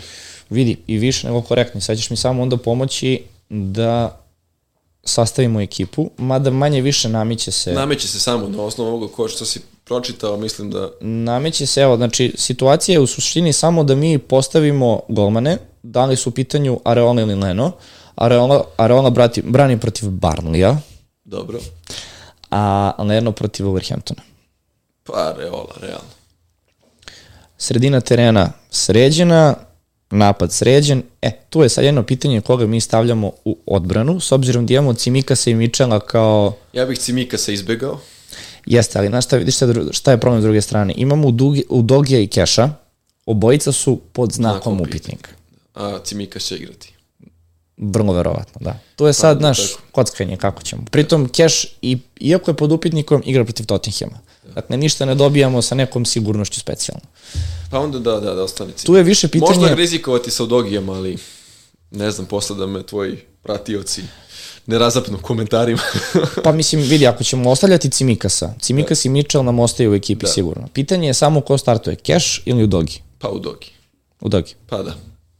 dobro. Koliko sam nahvalio posle Koglu, a morat ću da osnovem fan klub, fan base u, u Tottenhamu u Beogradu. Pa dobro, Na tako brdu. postaje premijer liga popularnija, u jednom trenutku će i to doći. Da. E, dobro, odigrali smo i reci mi samo ko za kapitena. S obzirom da u ekipi imamo manje više, Liverpool igra protiv, uh, bože, Haaland igra protiv Liverpoola, Watkins protiv Tottenhama, Salah protiv Citya, uh, Mitchell igra protiv Lutona. To, To može biti interesantno rešenje, da. Uh, Diaby protiv Tottenhama, Martinelli protiv Brentforda, Gordon protiv Chelsea. Pravo da ti kažem, većina igrača ima dosta ovih ekipa, odnosno dosta igrača i ovaj raspored baš je nesigurno koga Klimavo staviti. je, klimavo je. Mm? Klimavo je. Baš je klimavo. Pa dobro, negde smo se složili ti ja da se nameće logično rešenje. Vidi, Mitchell stvarno može biti Da. onako egzotika. Znaš, Ali igra je- protiv Lutona, mislim, teško da, da, da će Luton šutirati više od četiri puta pu- na meču. vidi, kako ti izabereš, tako radimo. E, većina će sigurno imati Salaha i Haalanda, vrlo verovatno. To je ona, kako mi zovemo, opcija, što kaže, racio. Da. A za hrabrije će biti Mitchell, tako da možemo da igramo malo hrabrije ili da prosto branimo bodove sa Salahom ili, ili Haalandom, tako da na tebi. Pa u, u, u, u, u dilemi između Salaha i Halanda, presam za Halanda, Dobro.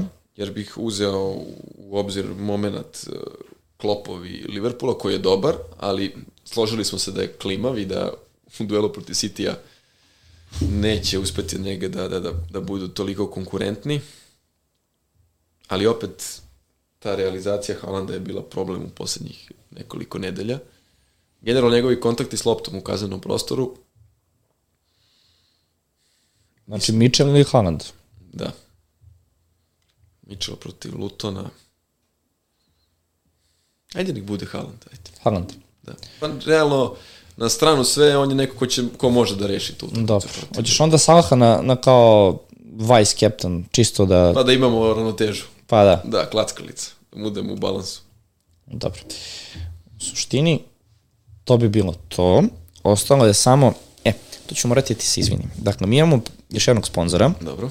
u pitanju je Tapni, uh, i mi generalno kad god neki gost dođe, sa Tapnijem organizujemo i oni naprave specijalnu, personalizovanu biznis karticu, baš za tog gosta. Ali imamo problem sa poštom. ja kada sam njima javio ko je gost, oni su napravili karticu, ali ona i dalje nije stigla do nas. Tako da ću ti ja zapravo uručiti ovu jednu da kažem basic, ali klasičnu uh, tapni karticu koju su oni napravili za nas kao fantasy masteri. Tako da to ćeš dobiti na poklon od nas, a kada stigne tvoja personalizovana kartica kod nas, onda ću Hvala ti ti ovaj, i, i, i to poslati da imaš. U suštini to je, dakle, biznis kartica kojom ti možeš da nekome daš svoje podatke od broja telefona, e, e-mail adrese i linkova svih profila. Više to ne funkcioniše tako što daješ one papirne kartice svima, nego tako je. Elegantno. 2000, to si razumeš Da, sve. elegantno. Prisloniš na telefon ili jednostavno samo skeniraju QR kod sa te kartice i sve što ti želiš uh, iste sekunde zapravo oni Sjajno, imaju te sjajno. informacije. Tako da koristi slobodno, evo možda je čak i dobra ideja ovako da koristiš kao fantasy like. masteri. Da. Tako da eto, da, da ti se zahvalim što si uh, Ne, meni gostovao. je zaista bilo zadovoljstvo i hvala ti na, na vreme. Brzo je prošlo koliko? Sat i po? Sati 42, ne znam. Letela je vreme. Zvanično ću ti reći da je ovo najduža epizoda u, E. u našem podcastu koja je trajala 2 sata i 20 minuta. Eto. Tako da, ali samim tim što ne znaš koliko je trajala, pretpostavljam da, da ti je bilo... Ovaj, Inače sam lepo. veliki fan podcasta i mislim da je to sjajan uh, format koji je negde zaživao tokom korone i ja sam tad počeo da ga intenzivno pratim i uživao sam i bilo je, bilo je dobro zameniti uloge. Ne znam, dva, tri puta sam ti malo leteo s pitanjem, ali, ali nisu mi iz podcast. režije ovo pominjali, kao što Nema sam navikao. u pozadini, da. Obično sam navikao, imaš do reklama još 7 minuta, do kraja šest, dovoljno za dva pitanja. To je to. Sad ćeš ali- imati problem kako da držiš studio za, za pola sata. Da. Evo sutra već 25 minuta. To ti Ako kažem. probijem da, znam, da, da znaju zbog koga je. To ti Hvala ti još jedan, zaista je bilo zadovoljstvo i valjda smo nešto od ovoga pogodili.